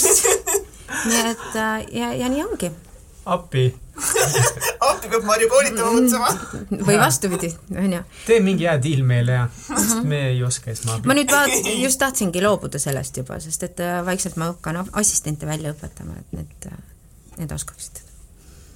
Kui sa oled kakskümmend aastat lugenud, siis mingi hetk, ja sa ei saa lugeda nagu poolkõvaneva et seda peab ikka andma nii, et järgmine kord, nii kui sa kuuled või kellelgi paha on, nii sa jooksed juba juurde, ütled, et sussu-mussu ja oled valmis elustama, mitte nii, et pöörad näo ära ja mõtled, aa, las koriseb okei. ühesõnaga, ma saan aru, et siis äh, päris pikk aeg juba Eestis on siis, on siis nüüd pigem populaarne või mitte ei ole populaarne teha ilusüsti endale? Jah, see on tõusev trend, sellepärast, muidugi on, sellepärast et täna no, ma saan süstidega ikkagi teha naise näost kaotada vanust. küsimus ei ole mingid äh, paksud huuled, neid ei tee mina üldse. küsimus on see, et ma võtan vanuse ära, nii et keegi aru ei saa. päriselt, jah? päriselt. no vot, siis me ei tea, kui vana sa tegelikult oled. kakskümmend kaks. me juba rääkisime sellest. kakskümmend kaks. kas Eesti naised on aldid tulema endale ei no kõigepealt nad lähevad, käivad nõia juures, on ju. jah ja, lasevad kaarte endale kuus mm -hmm. korda panna. ja siis nad ei saa aru, miks neil silmaalused ikka aukus on. no ja siis, äh, kui nad raha mulle toovad, siis nad saavad ilusti klaariks ja võib-olla saavad mehele ka, et siis nad on altid. kui nad aru saavad, et see on, vaata, mis on paha olnud, on see, et hästi palju on nagu väga koledat tööd kus need huuled on sulle tohutult palju on koledat tööd, kus mitte miski ei liigu, kus on üle pandud, põsed on nii, et silmad ei tule lahti, on ju. väga palju on ka seal kirurgilisi protseduure, mis aetakse süstidega segi, aga noh, väga palju on sellist materjali võib-olla Eestis, ma pean ütlema, et Eestis on seda vähem. aga millest see tuleb? kui mina alati vaatan, kui mina vaatan tüdrukud? seda neid just nagu seda, nagu sa ütled, koledat tööd, kui mina mm vaatan seda koledat tööd, ma lihtsalt ei saa aru, kuidas üks terve mõistusega inimene satub sellisesse kohta või siis kuidas mingisugune ettevõte teeb seda. Jaa, minu küsimus on see, kas see süsti ei näe, aga see on samamoodi, kui sa annad mulle pliiatsi, siis mina täna joonistan sulle kuke, no see ei olegi nagu kukk, sa ei saagi aru, kas see on vares või kukk, on ju. samamoodi on süstimisega, sa kas oskad seda või sa ei oska ja, ja ongi kõik. et ja kui klient ütleb, et teate, tehke mulle nuku otsa ette ja kui ta ütleb, et ta annab sulle kaks miljonit eurot, on ju, noh, tekibki võib-olla mõtlemise koht, on ju, kurat, kaks miljonit ikka võib-olla, noh, mis siis ikka, kes seda tilli ikka tõmbab tuka ette, on ju. ja, ja sama on selle süstimisega, et see on reaalne raha, mida see inimene vastu võtab, aru saamata, et see on tema töö, et kui sa oled nõus oma kunsti või oma soperdist müüma selle raha eest ja on ostjaid, siis noh, ega ma ei saagi midagi öelda, aga lihtsalt kui ka minule noored tüdrukud tulevad, siis ma küsin, et kes see nagu kas sa ise tahad? jaa, ma ise tahan. mis, mis sul kutt ütleb? no ta ütleb, et see on nõme. ma ütlen, minu arust on ka see nõme. Lähme vaatame õhtul baaris, seisavad kõik oma offsud reas, mis sa arvad, et iseloomu pärast tullakse sinuga juttu rääkima. ja siis te imestate, miks teil neli hommikul on näppu istatud taguotsast ja me too on hashtag üles pandud ülehomseks. noh, väga lihtne. kui noored äh, tulevad? minu juurde enam ei tule keegi mm. -hmm. Aga on tulnud? jaa, no varem tulid. kui noored? no kuueteist ja seitsmeteist, jaa, aga nendel ma palusin emad kaasa võtta alla kakskümmend üks ma ei võta, kui nii noori teen, siis on see, et tal peab olema mingi tõsine iluviga, mida ma saan parandada mm. -hmm. kas et, mingi õnnetus või kaasasündinud jaa, mingid asjad tõesti jah, et kui sa näed, et see on probleem tema mm -hmm. jaoks, jah muidu mitte. aga noored tahavad siis ikkagist tänu selle sotsiaalmeedia mõjutustele no nad ei jõua enam minuni, ma arvan, et üle Eesti kõik teavad, et ma lihtsalt keeldun. aga ma mõtlen üle, üleüldiselt, et miks, miks nagu seda ma ei tea, miks nad tahavad, ma arvan, et see on jälle mingi trend, noh praegu on vaata kõik, kõik mutid panevad disse, on ju. Et ma just oma peas mõtlen, et kui nüüd tuleb uuesti A-korv moodi, siis saab jälle pappi vaata, need dissid saab kõik välja võtta. Ettevõtlus, noh, ah. ma olen nõus siis tegema. oled nõus? aga õige ettevõtja peab leidlik. ettevõtja peab olema leidlik, mul ei ole, täna Eestis on dissipanijaid väga palju, täna pean mina mõtlema, kuidas disse hakkame välja võtma, kui tuleb see A-korv jälle moodi. No.. või need taguotsad näiteks, on ju kui mina noor olin, siis see taguots pidi ikka olema pisike, no minul ei ole ta kunagi pisike olnud, aga see pidi olema imepisike, mu sõbranna oli kogu aeg imepisikesega, küll me ikka, noh, ma ikka öösiti nutsin, on ju, et noh, kas küsid, kas mul on raske olnud, jaa. et lõpuks me, me jõuame mingite hetkedeni. jaa, lõpuks sa jõuad ikkagi, eks. et, et ja nüüd, kui sa vaatad, siis pannakse igasuguseid, tänu Kardashinile on ju, on kõik tahavad implantaate panna taguotsa peale täna trennivad kõik oma taguotsa, nagu kuus numbrit. tead sa, minu arust oli see Lev Tolstoi, Lev Tolstoi ajal, jaa, meestele meeldibki aru saada. aga Tol... mitte implantaadid ja mitte Kardashian. ja, ja, ja sulle meeldib, noh, ma saan aru, naine.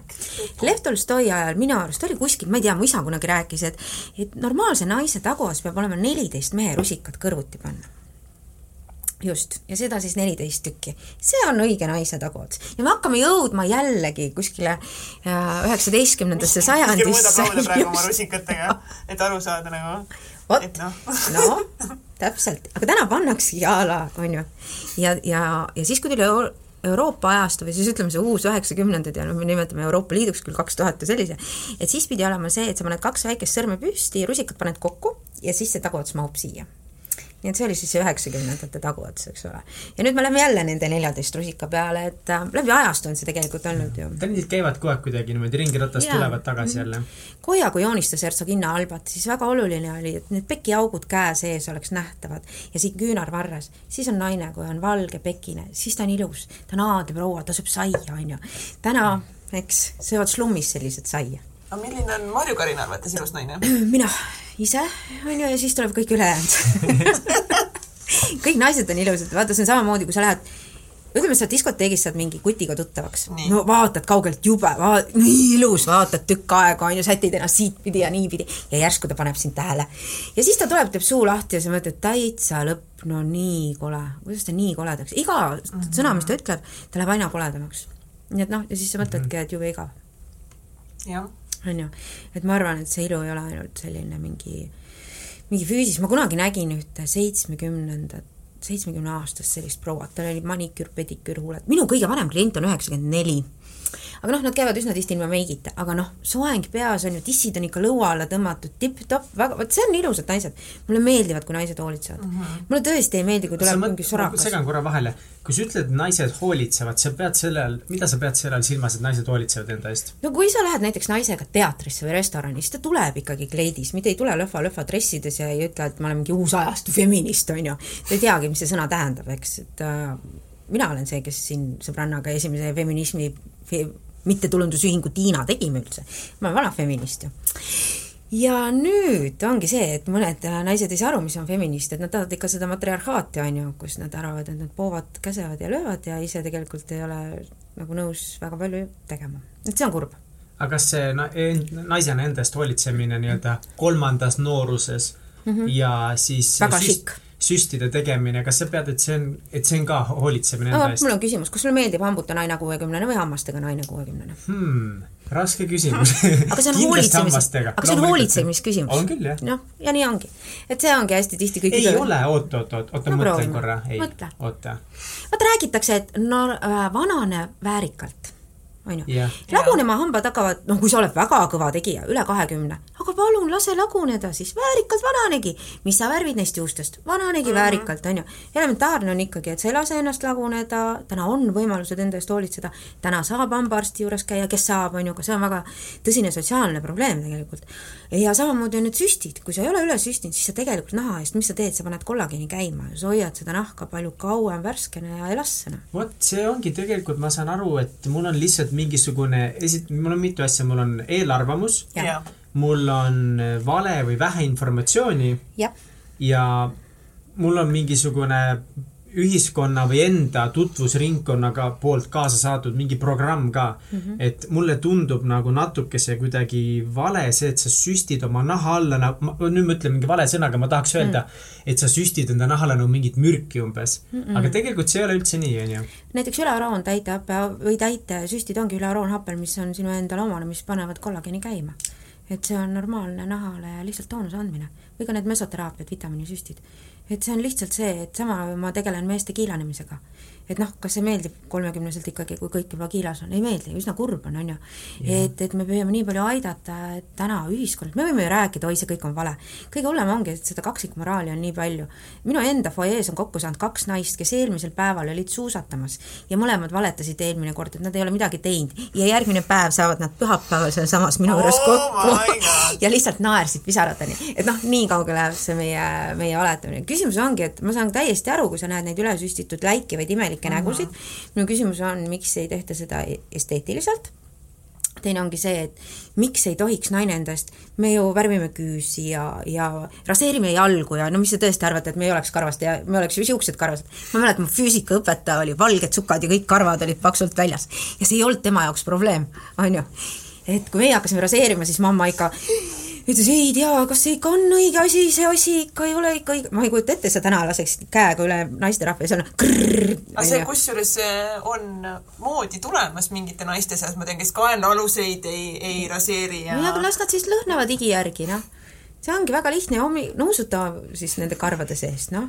et ega kui meeldib, siis meeldib ja igasugune, ega peres sa lepid ju kokku, kas te olete karvased, mitte karvased, mis mängud teile meeldivad. ja see ongi normaalne. kõik ei peagi käima, aga just teist halvustada, on ju.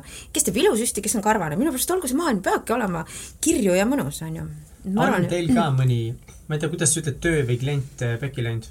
Mm, sa mõtled, kas on olnud eksimusi või, või selliseid, mul ei ole olnud raskeid juhuseid, millega ma ei oleks toime tulnud, ütleme nii.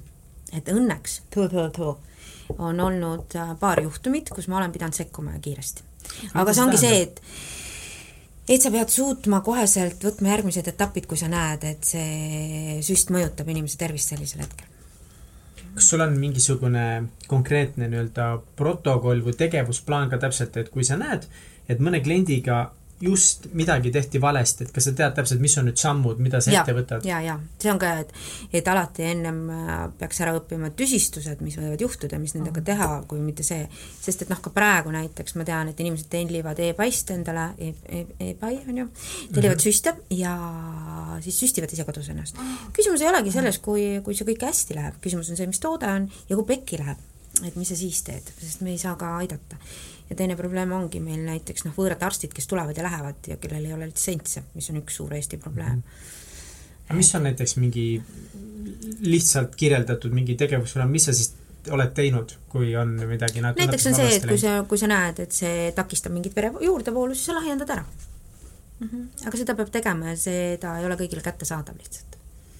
see on see probleem miks ma seda küsisin, on just see, et ma nägin just ühte niisugust nupukest praegu, mis tegelikult kandub jälle igasuguse ettevõtluse juurde üle, et väga tihti inimesed ei ole mõelnud äh, või valmistunud kriisiolukordadeks mm. -hmm. et sellistel rahvusvahelistel suurtel ettevõtetel, kes on pikka aega eksisteerinud, nendel on aega olnud üles ehitada väga tugevad niisugused kriisi lahendusolukorrad. kunagi meil selles äh, reklaami erialal äh, ka see oli turundus või meediatunnis kuskil õppejõud rääkis väga huvitavalt ka, et kuidas nagu mingitel lennufirmadel on siis täpne mingi protokoll, et kui lennuk alla kukub jällegi, et noh mm, -hmm. noh, nemad peavad teadma, mis on täpselt sammud, kes mida teeb, kes millest vastutab, mis kell, mis mm, -hmm. mis tunni, mitme minuti jooksul mm -hmm. mingisugused tegevused toimuvad.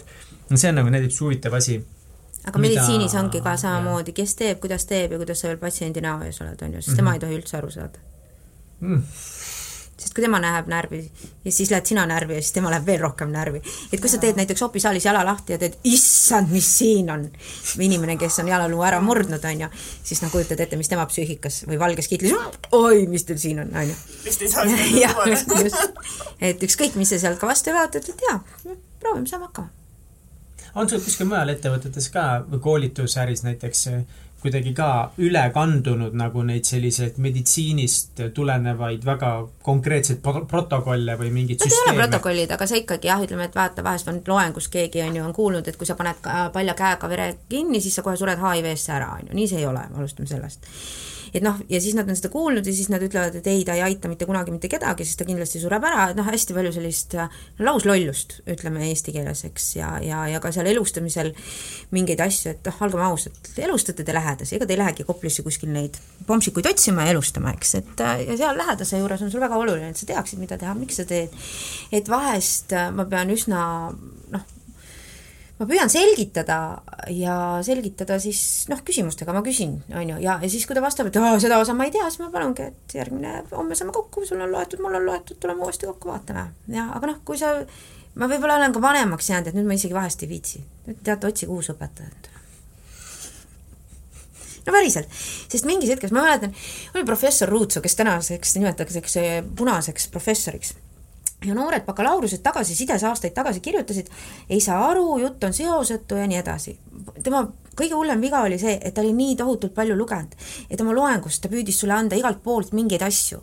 kui sina olid sama palju või noh, mis sama palju, kas või natukenegi lugenud, siis sa said juba aru, miks ta kasutab, on ju, niitset seal, miks ta kanti seal kasutab, kust need mõtted tulevad aga noh, vot see ongi see, teatud faasis sa ei ole veel valmis selle õpetaja all õppima. ja teine faas on see, et kui sa näed, et see tudeng on loll, no tõesti. et täna mulle koolisüsteemis väga ei meeldi see, et kõik loivavad klassi ja jälle mingi keemia. mina ütleksin välja, kes tahavad, õpivad, ei taha, ei õpi.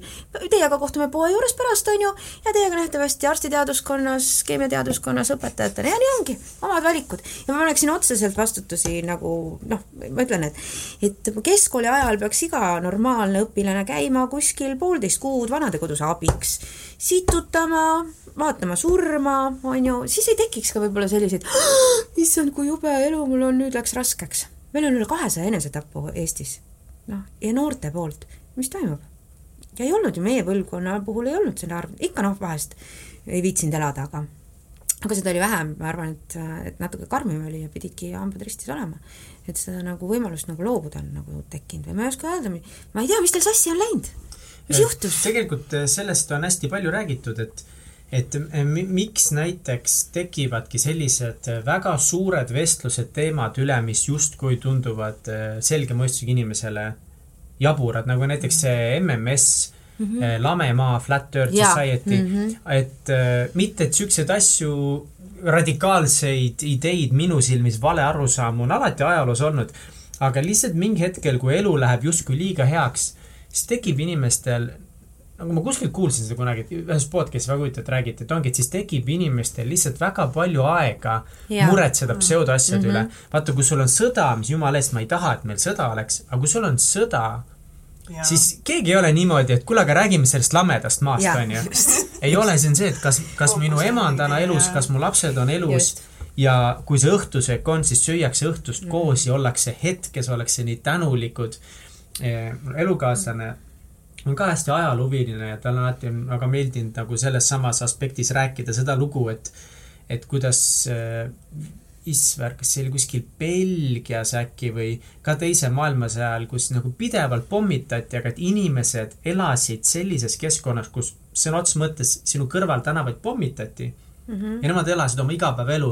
Nad noh, võib-olla ei jalutanud, vaid jooksid poodi, jooksid tagasi, lapsed käisid kuskil varjupaigas ikkagi koolis, eks ole.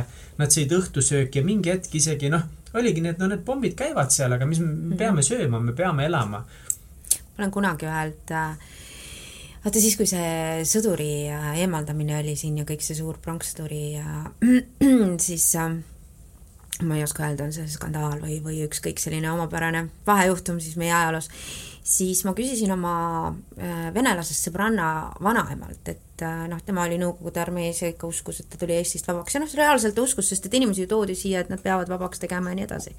et ka neil oli ju loodud väga suur illusioon, ma küsisin, kuidas see nagu üldse sõja ajal või nii, ta ütles, mis mõttes, ma olin noor ju siis ikka oli tore, tantsukad olid ja värgid ja väike naps oli, kui sai ikka meedikutelt kätte ja noh, oligi. et ja, ja olidki teised mured, on ju, et täna, täna ei saa nemad aru.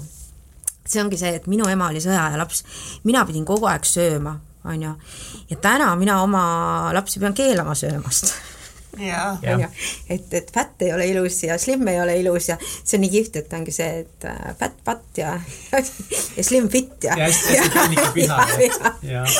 et, et meil on, noh, selles mõttes ongi tore, et meil on aega arutleda nagu vaktsiinide ja kõige selle ja siis me võime otsustada ja meil on mingi tohutult mõnus ruum antud, et see on nagu suur-suur asi, see on nii suur asi, et ükskõik kuhu te maailmas ka reisite või näiteks meditsiin, kui öeldakse, oo Eestis on nii jama, minge vaadake maailmas ja siis te saate aru, mis on jama et siis te näete, kuidas inimesi koheldakse ja ja millised järjekorrad on tegelikult ja te ei jõuagi.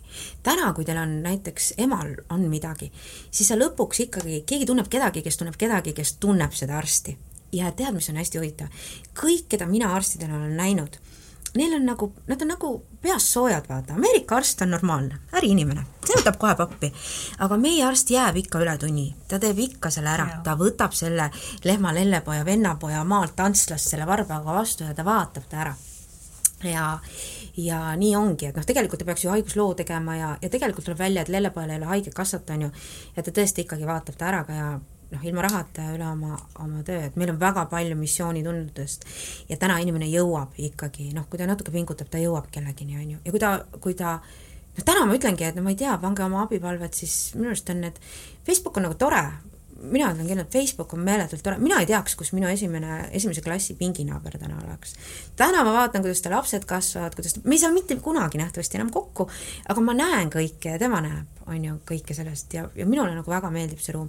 ma saan aru, et, et noh, vahest on see, et me topime sinna endast ilusamaid pilte, kui me oleme, aga aga noh, shit happens, eks me ikka tahame ju, ikka toome parema serviisi külalistele välja, et siis, kui Facebooki ei olnud, ikka me tõime parema, ostsime uue mööbli, on ju, ikka tassisime kõik külamutid vaatama, ütlesin, näe, sihukene asi, komisjonkast praegu just allahindlusega sain. kõik on sama, lihtsalt täna on seda avalikus ruumis. vahend on teine. vahend on teine ja, et sellega peab ära harjuma lihtsalt ja ongi kõik.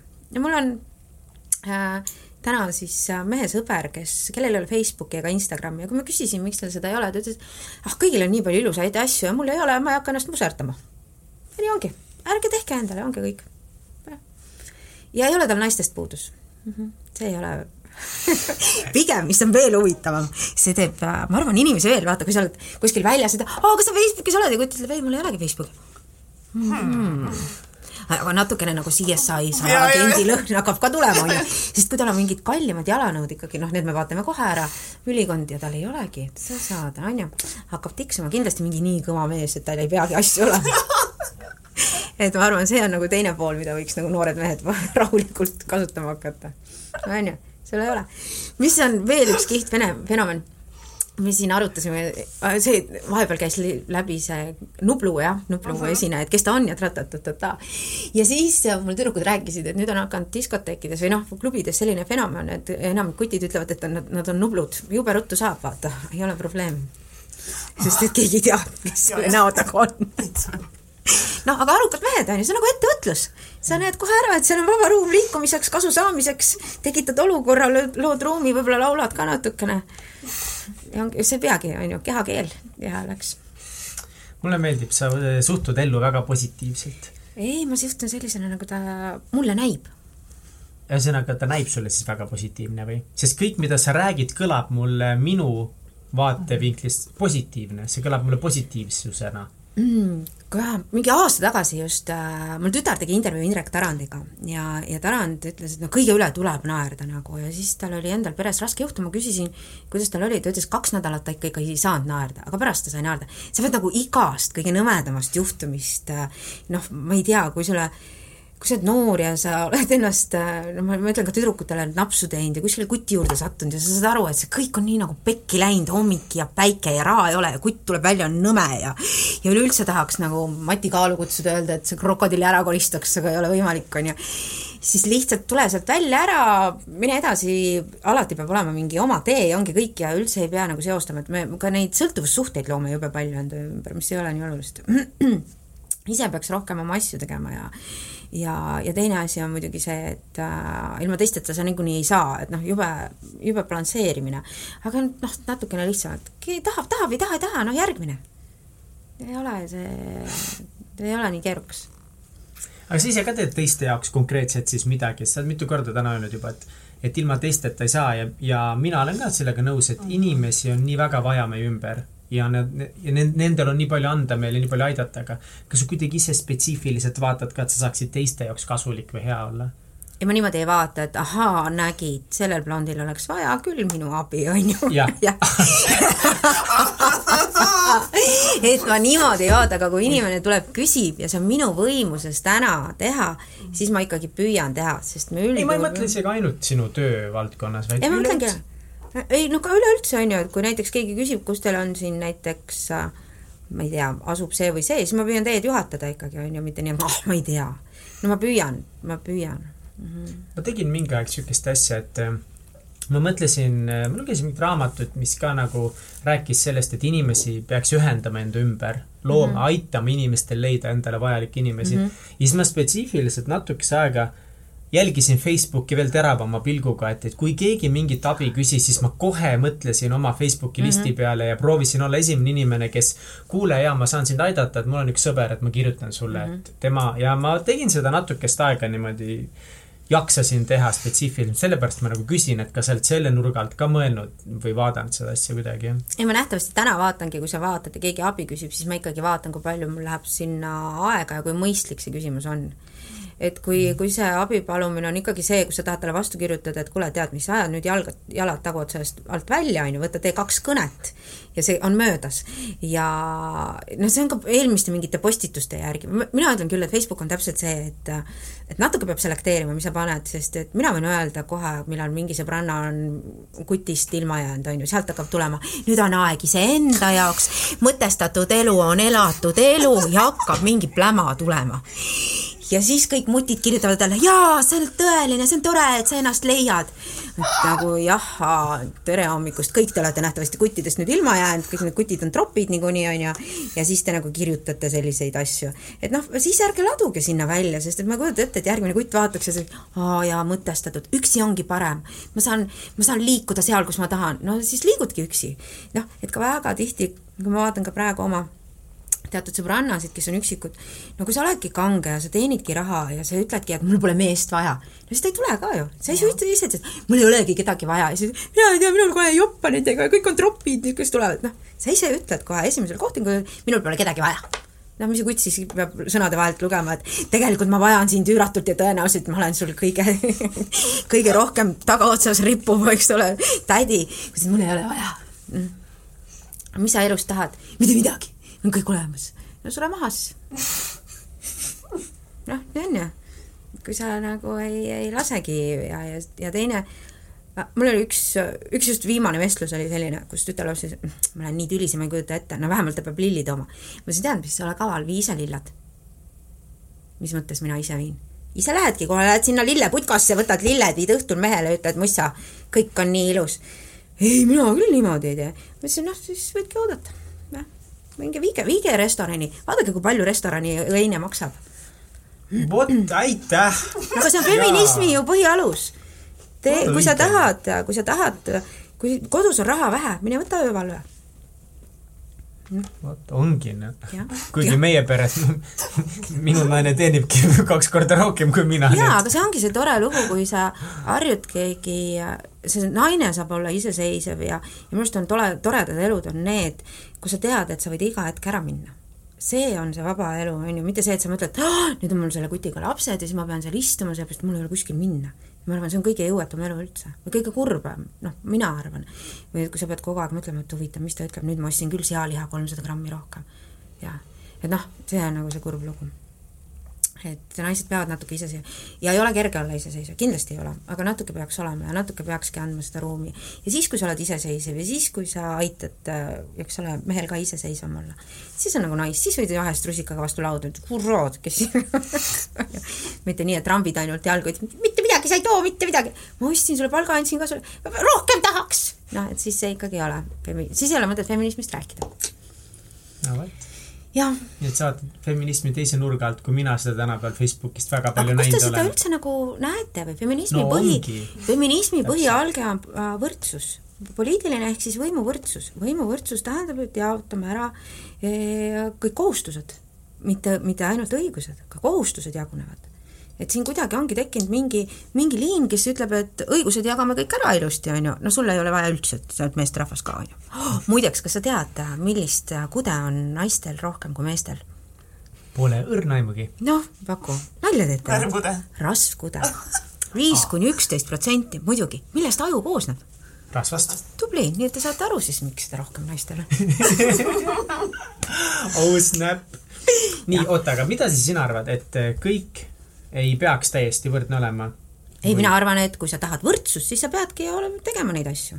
kui sa tahad ettevõtlust, siis sa teedki oma ettevõtte ja siis räägid selles osas kaasa. kui sa tahad äh, midagi tähtsat öelda, siis sa kõigepealt käid teise mehe kingades mm. -hmm et siis hakkad ütlema, et meil on siin hästi palju probleeme, on ju, mustad on meil probleemid, geid on meil probleemid mm, -hmm. ega keegi ei olegi nagu suutnud, mine noh, proovi nagu teise inimese sisse korraks minna. et mul töö juures oli ükskord keegi ütles, issand, ja siis need kaks naist suudlesid mu selja taga. ma ütlesin, no mis siis juhtus? ma ei saanud isegi vaadata enam kontserti. no, eks, aga see, ma ütlesingi talle, et kas sa oled kunagi elus armastanud, armastanud nii, et hingata on ka valus? no ma ei tea, ma ütlesin, vot, aga siis tulen mina ja ütlen, sina ei tohi seda teha. sest minule tundub, et see on ikka väga vastik ja nilbe tegu. noh, jaa, aga ma ütlesin, kõik on sama. ei, aga ma ütlesin, ikka on sama. armastus on ikka sama no what. et noh, ära toopi oma nina sinna, kus sa väga täpselt ei tea. ja veel hullem, keelad ära midagi, mis üldse ei kuulu nagu sinu pädevusse. ma tahan sult küsida ühe küsimuse, mida on äh, siukses äh, kuidas me nüüd siin interneti raadiosaates nagu hakkame tegutsema, äh, küsitud mitu korda ja seda küsivad ka mõned välismaa podcast'id. Nii, see on nüüd väga oluline, et sa nüüd keskendud ja mõtled, kuidas sa vastaksid sellele küsimusele. ma, kuidas ma vastaksin? jah, ei okay., oot-oot-oot, ma mõtlen, kas ma nüüd, ei, mis sa nagu vastad vasta, kuidas tahad. küsimus on, mis sa vastad. nii, kui sul on võimalus panna Tallinnas Raekoja platsi üks suur loosung, üks suur plakat mm, -hmm. mis võiks siis öelda ükskõik mida, mida sa tahad, et inimesed saaksid seda lugeda ja vaadata. sõnum ühiskonnale nii-öelda. nagu, nagu matusekivi siis või? mis matusekivi, mis asja? kivi, matusekivi peale, no viimane loosung noh. ei, mitte matusekivi, siis see kontekst on kõik halb okay,. see peab okay, olema Raekoja platsil. siis keset seda. ära, su kõik... ära sure enne surma. mis see tähendab? See tähendabki seda, et elu on niivõrd vahva, et ei ole nagu mõtet kogu aeg heietada ja mõelda sellest, et kunagi kõik saab läbi. läbi saab ta niikuinii, ei pääse mitte keegi. et just, et äh, olge nagu elusad ja olge, elage oma elu, noh, see ongi see. uskuge, mitte midagi kellelegi, kuidas ma ütlengi, et mitte kellelgi pole aega tegeleda teiste muredega, juhul kui teil oma elu on. siis sul lihtsalt ei ole aega. aga kui sul ei ole, siis sul on vaja kakkuda ja otsida ja. Just. väga hästi öeldud mm.. kuidas see, sa ütlesid, et sul viie, et see viie aastaga plaani tegemine või et äh, et kus ma olen nagu... viie aasta pärast, küsid? põhimõtteliselt. või kas sul on mingid, mingid ma võin sulle öelda, mul on tõenäoliselt roosa lateks ma istun, jalad on mul suure ookeanis ja Prosecco tilgub otse veeni. see on nagu minu unistuste päev, mis tegelikult on tõenäoliselt, ma ikkagi olen soojal maal. Proseccot ei tohi otse veeni lasta, aga ja roosa lateks võib-olla ma veel paarkümmend aastat ootan, aga, aga see lõpus saab olema et ikkagist vabadus siis ja see ei ole ju väga vabadus, on ju, et selles mõttes see on see kõlab küll nagu ma näen, et ka sinule meeldib äh, alkoholism ja, ja lateks, et et ma ei tea, kas see on vabadus, on ju. et ma, ma arvangi, et vaata, kõik ütlevad, aa, siis ma tahan mingit head raamatut. ma kunagi lugesin tohutult palju Ibsenit ja kõike selliseid sürrealistlikke eluprobleeme ja kõik olid sellised depressiivsed. ja täna ma näiteks, noh, ongi see, et ma töötasin ka liiklusõnnetuste ekspertkomisjoni psühholoogina ja ma pidin viima surmateateid teateid kodudesse, aga vahest laste surmateateid ja nii edasi. keegi meil äh, psühholoogidest päris kuulsalt, ma tean, ma jätan nimed nimetamata, kirjutasid, et see näosaade on kohutavalt alla käinud mingi meelelahutus. ja ma tundsin üks õhtu, et ma tahan koju minna ja vaadata ajuvaba asja, sest seda sürr rea-, reaalsust oli nagu nii palju, et kui ma siis oleks ka pidanud mingit Ibseni Metsparti veel vaatama, kogu, kogu tema tõe, siis ma oleks kellelegi vastu hambaid tõmmanud. sest et äh, vahest on elus liiga palju asju, mida ei pea olema, nii et minule meeldivad igasugused äh, komöödiasarjad, ma ei vaata tõesti pilvede all, ma pole ühtegi seriaali vaadanud, ma tõesti vabandan, võib-olla peaks, sellepärast et tegelikult inimene peab tark olema kunagi oli jälle mingi saade, oli Kaunitar ja Tarkur või mingi sihuke. ja siis nad ja, ei teadnud mingeid Chanel'i põhi, põhikoone. kullakesed, neid mõjutavad, Chanel mõjutab miljoneid inimesi. Et see ei ole päris nii, et sa moeloomingut ei tea ja siis tead vähemalt Darwini evolutsiooniteooriat. sa pead mõlemist teadma, kui sa oled ikkagi nagu Pride, on ju. et kui sa oled äh, niivõrd tark, siis sa pead väga paljudest asjadest teadma ja, ja aru saama, mis inimkonda nagu mõjutab ei tea, mul mind täna väga, mulle meeldib vaadata Kontor, kaks pool meest, Eesti mingeid nõmedaid seriaale, noh, mis on lihtsad ja lõbusad, mamad-papad, kõik selline, sest et et ma saan olla oma roosas mullis ja, ja, ja mulle tundub, et mind ei õhusta siis, sest ma olen kõike seda sitta ja verd ju näinud, on ju, et noh, nagu ei vaja, vaja väga sügavale sisesoppi teha enda mingit, praegu on see moes see enese leidmine või? Ja, ja enese, ma olen leidnud ennast, mul ei ole, ja kui sa mind üksi jätad ja ma kolm päeva üksi pean olema, ma lähen lolliks ju. ma ei usu, et ma midagi tarka leian sealt, meil kahekesti ei ole üldse enda sees väga tore olla. siis ma pean ikka üksi jooma hakkama või midagi. no oot-oot-oot, aga see, kas sa siis oled ikka ennast leidnud, kui siis endaga ei saa üksi olla? ega ma ei taha iseendaga üksi olla. miks sa ei taha? sest ta on ebahuvitav. tal ei tule enam ühtegi mm uut mõtet. ta peab nüüd juba väljaspoolt saama mõtte, seda analüüsima ja siis selekteerima ei, need süvaasjad mulle nagu mm,, need on nagu kristallivärgid mm, -mm. ei, pimedas toas kuskil üksinda, kol-, kas sa kujutad ette pimedas toas, kui ma ära suren, ma olen tükk aega pimedas toas, kohe pikalt. ma kujutan ette, et sa ei ole väga tugev igapäevane mediteerija, eks ole? null aga on sul, mõtlengi, et sinu jaoks siis, kas näiteks mõned teleseriaalid, sa ütlesid väga häid teleseriaale, mida ma olen ka ise vaadanud, kas need on siis sinu jaoks mingisugused rituaalid, mis aitavad sul vahepeal kuidagi lõõgastuda? jaa, siis ma ei pea mõtlema. Vaata mm, -hmm. need on mingid asjad, siis ei pea üldse mõtlema. ma mängin Candy Crushi näiteks, siis ma ei pea mõtlema üldse, vaata, sa teed mingeid asju ja mingi aeg jookseb ja mingi idee tuleb ja siis sa liigud jälle kuskile edasi, on ju, et, et sa ei saa kogu aeg, ma läksin nüüd Hiina meditsiini õppima, et siis ongi jälle töö ja mingid asjad, kus sa pead sisestama väga kindlalt ja aru saama ja siis on sellised vahepealad hästi toredad, kus sa, kus sa, et seda ei tohiks nagu, ka õppeprotsess peaks olema nagu fun või? Ja loominguline ja fun, et ei tohi midagi õppida, mida ei noh, kui sa tunned, et see on täiesti jama, see ei huvita ka sind, ma arvan, et see on kõige hullem asi, mida ja siis sa veel viiekümne aasta pärast avastad, et oligi vale. Noh, näiteks ajalugu, on ju, mina kui sündisin, oli üks ajalugu, täna on teine, kas sa kujutad ette, kommunistliku tead-, mis meil kommunistliku teaduse alused olid, noh, vaesed inimesed lõpetasid kuldmedalitega, sattusid hullumajja. Issand, see ma, selles mõttes on küll, ja mina olen väga rahul selle ajastuga, kus ma elan, et mina ma arvan, et ma arvan, et meil on nii tohutult, on mul vedanud selle jaa, sa saad täna muidugi, sa saad täna ise valida ja sa täna võid inimesena teha kõike noh, kui sa ei tee halba, on ju, et sa naisena võid õppida, kelleks sa tahad. sul ei ole nagu väga seal noh, ka mina ei ole tundnud, et oi, et jube alandamine naiste, no ei ole, noh, ma olen ka öelnud, et mind ei näpi keegi, ei tulda mulle ligi kuskil, ei ole seda me too efekti olnud, et noh, aga väga konkreetselt on ju, loomulikult kui ma sinuga istun siin ikka nelja-viieni, lähme sinu juurde muusikat kuulama, on ju, et noh, siis võib-olla ikkagi kuskilt, on ju, et noh, see ongi see, et kui sa saad väga konkreetselt öelda, võib-olla mul on jopanud, mine tea või ma ei tõmba siis ligi.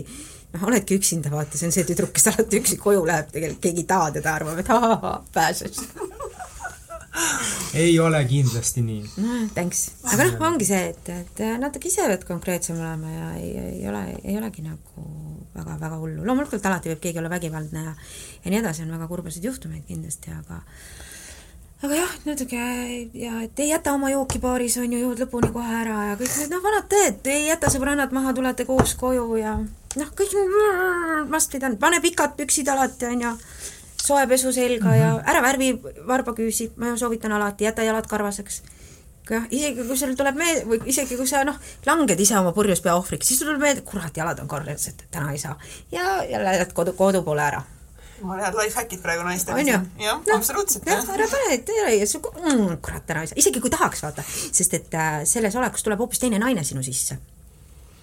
mina olen ka kohe, siis kui ma tumeda peaga olin, siis minu sisse tuli ka niisugune pikk blond rinnakas naine, onju ma eile rääkisin just, äh, mul oli tähistasime isa sünnipäeva eile ja siis rääkisime ka. palju õnne. jaa, palju õnne talle. ja siis äh, ma rääkisin, ma, ma tahan teha ühte ettevõtet, teha ühte niisugust finantsäppi, mis aitab inimestel rahasjadega hakkama saada ja siis tuligi jälle kogu see teema ka, et noh, et et kuidas siis mõned inimesed nii-öelda elus ei saa siis eluga hakkama teatud asjadega. ja, ja minu vanemad on hästi siuksed, küllaltki ratsionaalsed inimesed ja siis EMS ütles nii vahva lause, et, et ta kohaldab väga tihti TPM-i. mis asi TPM on? Talupoja mõistus kuidagi, või see, vabandust, kurat, terve palu, talupoja terve mõistus. talupoja mõistus. terve talupoja mõistus oli see jah. et elus peab rohkem rakendama terve talupoja mõistust. Mm -hmm. et mul sõbranna veresoonkirurg ütleb samamoodi, et noh, võtke ikka terve, et kui teil keegi, samamoodi kui siin vahepeal olid need dieettabletid lubati naistele, et iga nädal, kui sööte neid tablette, läheb viis kilo. no kujutad ette, lõpuks oled täpike, on ju. noh, kui sa nagu natukenegi niisugust loogikat oskad luua ja noh, midagi oled õppinud, on ju. et nagu viis kilo iga nädal, noh mis see nagu eesmärk on? ära joo vett ja kolme päeva pärast oled viis kilo kergem, surnud ka, aga noh, sellest viis kilo kergem, eks. on sul veel mingeid äh, sõnumeid, mis sa tahad meie kuulajatele edasi anda? elutõde, mida sa oled õppinud oma elu nagu vanem proua, on ju? jaa, just. -hmm tehke kõike, mis pähe tuleb ja õppige kõike, mis ma ette toob ja võtke kõik tööd vastu ja sealt hakkab hargnema nagu päris päriselt, et vahest isegi kui see tundub, et aa, see on nii, no võtke nagu kõik, mis, te saate välja selekteerida, te saate alati loobuda. et pigem kõik... proovida ja ebaõnnestuda ja, või mitte üldse proovida. ja, ja noh, ma ütlengi, ma olen baaridaam olnud, ma olen lihaletis müüjagi olnud, vorsti lõiganud ja värki ja oh, viinereid pestnud, jälle margantsovkas libedad viinerid olid, tuli uuesti pakkida, pesime margantsovkas puhtaks ja läksid jälle. kõik sõid mm. -hmm, Polda, nõuka inimesed, pole häda midagi. nüüd jumal küll, kui niisugune asi juhtuks, kõik pool Eestit sureks kohe ära, Facebook oleks suremas ja, kõik on ju. tollel ajal pesti viiner puhtaks läks, praadisid läbi ju, mis sa siis nüüd ei teadnud siis kaubandus, on ju.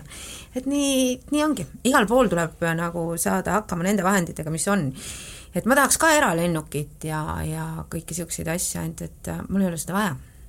mul ei oleks täna sellega midagi teha. Et alati peab ka mõtlema, kas seda on üldse vaja, see, mille poole see pürgimine käib, et kas seda tegelikult on vaja. sest ongi see on nagu see hea asi, et me alati püüame meeldida nendele inimestele, kellele niikuinii ei meeldi, et noh, ei ole vaja neid. ja sõbrannad, kes on, ei tohiks ka, ega sõbrad on ju, et ma, mina ei taha sõbrannasid, kes mulle vastu võitlevad. ega need, kes takka kiidavad. kui ma ütlen, et minu mees on loll, siis nad jaa. kui ma ütlen, issand, kui tark, siis jaa, issand, me kõik kõrvalt vaatame, kui tark see on. et noh, sellist on sul vaja, sinu ümber on seda, kes sind toetavad, mitte need, et ma ei tea, sa oled ikka paksuks läinud, ma teen kohe sõbranna listist, mul on märkmik kohe, läheb maha. ausat sõpra on ka vaja. ei ole ei ole see let's agree to disagree. mulle meeldib see, et konstruktiivne kriitika ja siis tuleb mingi pasarahe, hoia omale. sul on kindlasti niikuinii mingi jama hommikul mehega olnud, konstruktiivne kriitika. mina arvan ka, et ikka nagu pigem on see, et äh, Need sõbrad. ja anna nagu, no kui ma ütlen sulle Mihkel, et nagu tegelikult sa oled ikka täiega tubli ja täiega äge ja see on nagu täiega lahe versus täis tropp. see ei ole konstruktiivne kriitika. jaa, aga muideks väga tihti see kriitika tuleneb sellest, et sellel inimesel endal on paha tuju tal ongi paha tuju, ta ei ole ise rahul ja siis ta peegeldab seda paska teistele. ja sellest see tulebki. ei ole mingit objektiivset ju ta-, konstruktiivset kriitikat. see on subjektiivne pask, mis nagu tema selle hetke iseloomus äh, mingist muutusest või ma ei tea, mingist jonnist on tingitud noh, sa oled kallima peale vihane, mis sa siis ütled, et oi, mussa, sa oled tore või? ikka tõmbad üle küüru nii palju, kui saad. sa ei mõtle seda, aga noh, on ju, mis, see oli konstruktiivne kriitika või? Right, tahtsid natuke nätaka panna, et võimupiirid oleks. küll, et minul on aeg-ajalt konstruktiivset kriitikat vaja. vaata seda, ei, vaata, ma saan aru, kui, kui keegi noh, lihtsalt kiidab sind, sa oled nii tore ja nii tore ja nii tore, on ju. aga sul ei pea kriitika olema üldse, vaid lihtsalt see, et ma küsin nõu ja siis sa nõustad mind. ja ma tunnen, et ma olen jube äss selles, ära nõusta mind. kas ma olen äss? sa vaatad mu nõrgad kohad, õpid ära ja ma kukun ära pjedestaalilt ja ma saan aru pärast, kurat, vist ei olnud jah et alati ei ole nagu mõistlik kritiseerida, et see ongi see, et üks ütleb, et ära tee nii ja teine ei tee, nagu see Taxify asi on ju, kes meil siin ennem juba turul oli? keegi oli meil, Uber vist oli ennem juba või? Mihkel teab Taxify'st väga palju, ta töötas seal. jaa, aga midagi oli ühtepidi ja midagi oli teistpidi. kes veel turule tuli või? Kõigepealt tuli Taxify ja siis tuli Uber äh,, Taxify ei teinud sõidujagamist mm, -hmm. aga siis tuli Uber ja hakkas mm -hmm. sõidujagamist tegema ja siis Taxify hakkas ka kohe sõidujagamist tegema. jaa, aga noh, vaata, see ongi see, et kui üks teeb, siis ei tähenda, et teine ei võiks teha. muideks, võib-olla sa pead seda silmas, et Taxify vana nimi oli M-takso äkki sa mõtled seda? üldiselt. Nad muutsid lihtsalt nime. point on lihtsalt see, et kui on ka kaks tegijat turul, ei tähenda, et sama asja ei võiks teha ah,. jaa, ma tahtsin seda öelda, et ja üks teeb ühtepidi ja võib-olla keegi oleks öelnud, kus sa loll tuled, selline asi on juba olemas. et noh, siis ütledki, et mis siis ma teengi, on ju, teistmoodi. et, et kas see alati see kriitika või ma ei tea, mis see üldse, ma arvangi, et et õppeprotsess on see protsess ja, ja sa peadki tagasisidet, tead, kui sul on palju kliente, siis see ongi sinu konstruktiivne või mittekonstruktiivne kriitika mm. -hmm. aga just, et sa teed midagi õiget, õigesti, kui sul on neid, kui sul ümber on inimesed, isegi kui sa vahepeal oled jobu, mina suudan seda olla, siis sa teed ikka et ma ütlen alati, et inimesed on nagu krediidi, krediitkaart. näiteks esmaspäevast reedeni oled sa naisega jube tore on ju, siis sa oled juba sinna nagu kontole kogunud endale. ja kui sa laupäeval natukene hilined ja natuke plähmaka paned, siis ta andestab sulle, sellepärast seda, sa saad sinna miinusesse minna, sest sul on plussid ees. jah. on ju, et inimsuhted on puhtalt selline krediitkaardi põhimõte. kogu sinna peale, pärast võid natuke nahutada ja siis on nullis jälle natuke sügad pead, mõtled ja hakkad jälle koguma ja ja nii ongi, mina teen kogu aeg nii. mul on lähedased harjunud sellega ma saan nii häid lauseid üles kirjutada sinu tekstis. no tead sa, et kes raamatuid ei loe, need alati arvavad, et need on nende ideed, enamik on ikka kuuldud kuskilt. ei loe, minu jaoks tulid sinu käest. on ju? ja need on parimad ideed. täpselt, ja need on parimad ideed. oh, ma tahan sind tänada Pole tänuväärt, selles mõttes ma raha, raha ja, võtan ja, alati ja selles mõttes, et, et selle rahaga ma tahtsingi rääkida, et noh, et ma nagu tänaks sind võib-olla rohkem ja siis tead, meil sellega on nagu vähe kitsas, no sa, noh, saad aru küll. aga sa proovi, vii aitäh koerale, vaata, kas saab söönuks no ma proovin, õnneks mul ei ole koera. aga no mul õnneks praegu on mul. töötav abiraha praegu tuleb ka vaata, ettevõtjad on võim-, vahepeal oli see, kus ettevõtjad võisid olla ka töötud ja said ka töötule abiraha, nii et mul on see nali alati, kui mõni meesterahvas tahab mulle kokteili teha, siis ma ütlen alati, et pole probleemi, mul tulid lasterahad või töötu abirahad. kust sinu tegemistel saavad meie kuulajad veel silma peal hoida? kus kohast, ja mitte kust jah, millistest, jah, kus? mis siis tore on ikka. tundub nagu ma taipaks eesti keelest, ma olen tõsine düsgraafik tegelikult. ja oh, ega ei saagi väga, kui, kui kui te ei sattu täna minu juurde, noh, sest ma olen selles iluvaldkonnas täna juba rohkem, et ma väga ei taha enam võidelda õiguste eest ja mm -hmm. ma täna, noh, kui keegi väga mu sotsiaalset närvi nagu erksaks teeb, Facebookis sa oled lihtsalt Marju Karin jaa, lihtsalt Marju Karin, aga seal ma väga ei postita mingeid ja asju. kliiniku kliinik ongi Ilu Marju Karin ja tegelikult on Marju Karin OÜ, noh, seal on mingid esmaabi asjad, on ju, elustamised ja aparaadid ja ja seal on mul elustamisvideod mm -hmm. ja, ja minu enda aparaatide koolitused, noh, need AED-d ja sellised elementaarsemad asjad. aga mitte väga palju, aga, aga jaa, et, et ma nüüd niimoodi ei taha enam väga no ma ütlengi, et minu sotsiaalne närv ei ole praegu nii puudutatud, et, et ma peaks plakatiga välja minema. aga kui keegi seda närvi puudutab, siis mina olen nõus jalakarvu kasvatama ja selle plakati üles panema, ma ütlen, et selles mõttes ei ole. aga praegu on niisugune, ühiskonnas on niisugune mõnus, on ju, et, et veel ei ole väga, väga, väga vastikuks läinud, aga ta on aeg-ajalt mulle tundub, et et see sotsiaalne pinnas on nagu lolluste jaoks väga soodne praegu. lolluse ja väiksuse jaoks on ta soodne Kats, viimaseid mõtteid? ma soovin, et meil kõikidel naistel oleks eh, rohkem sellist Marju Karinlikku julgust ja pealehakkamist. enesekindlust või? Jah. bluffi, enesekindlust ja natukese sõgedust. jaa, bluffi. sellist nagu, sellist nagu, nagu sellist nagu veits nagu mul, mul on nagu puhhui. ja aga, aga sul peabki olema, sest sa ei saa kõigile meeldida, niikuinii sa ei meeldi, sest pooled, kui sa ukse kinni paned, ja see on väga mõnus. mul on haiglas üks, lõpetuseks, haiglas oli niisugune asi, kus arvati, et mina magan kõikide meestega, mis üldse oli, siis ma viisin šampused ja kui nüüd küsisid tookord, et aa, miks sa need tõid, siis ma ütlesin, et sellepärast, et ma sain psühholoogia magistratuuri sisse. et kui teie arvasite, et ma käin iga õhtu väljas, siis mina tegelikult õppisin oma kahe lapse kõrvalt, et noh, nii ongi alati, vaata, ma arvan, et Anu Saagim on selline naine, kelle võib-olla välja noh, kõik, mis me näeme, mõtleme, vahetame ja tegelikult kodus vaikselt naerab ja magab, on ju. noh, et ongi, joob oma pokaali šampust ära ja on esimene, kes peolt lahkub ja magama läheb, on ju, aga Anu meie mõtleme jah. jaa, et, et noh, tugevaid naisi ja tegelikult Eestis on väga palju iseseisvaid tugevaid ja kihvte naisi, ära ole mitte kellegi moodi, ole ikka ise, noh, ongi see lihtsalt lihtsalt jah, lihtsalt Vahepeal ongi et ja kui see kutt ütleb midagi niimoodi, et lähedki minema, ei viitsigi. mul on sõbrant selline, tõuseb poole pealt minema, lihtsalt läheb, ei viitsi kuulata, noh, ta ei viitsi viisakas olla. sa vahest ei jaksa, vahest ei peagi, vahest ei peagi, vahest peab, vahest peab, et sa pead jah, sotsiaalselt, aga Marju Aitäh, Marju. aitäh, No aitäh! Aitäh, Marju jah., aitäh, aitäh, aitäh, aitäh, head aega, kuulajad, lehvita neile, peame lehvitama alati. Peame lehvitama jah. okei. me nüüd kõik lehvitasime teile. ja isegi mina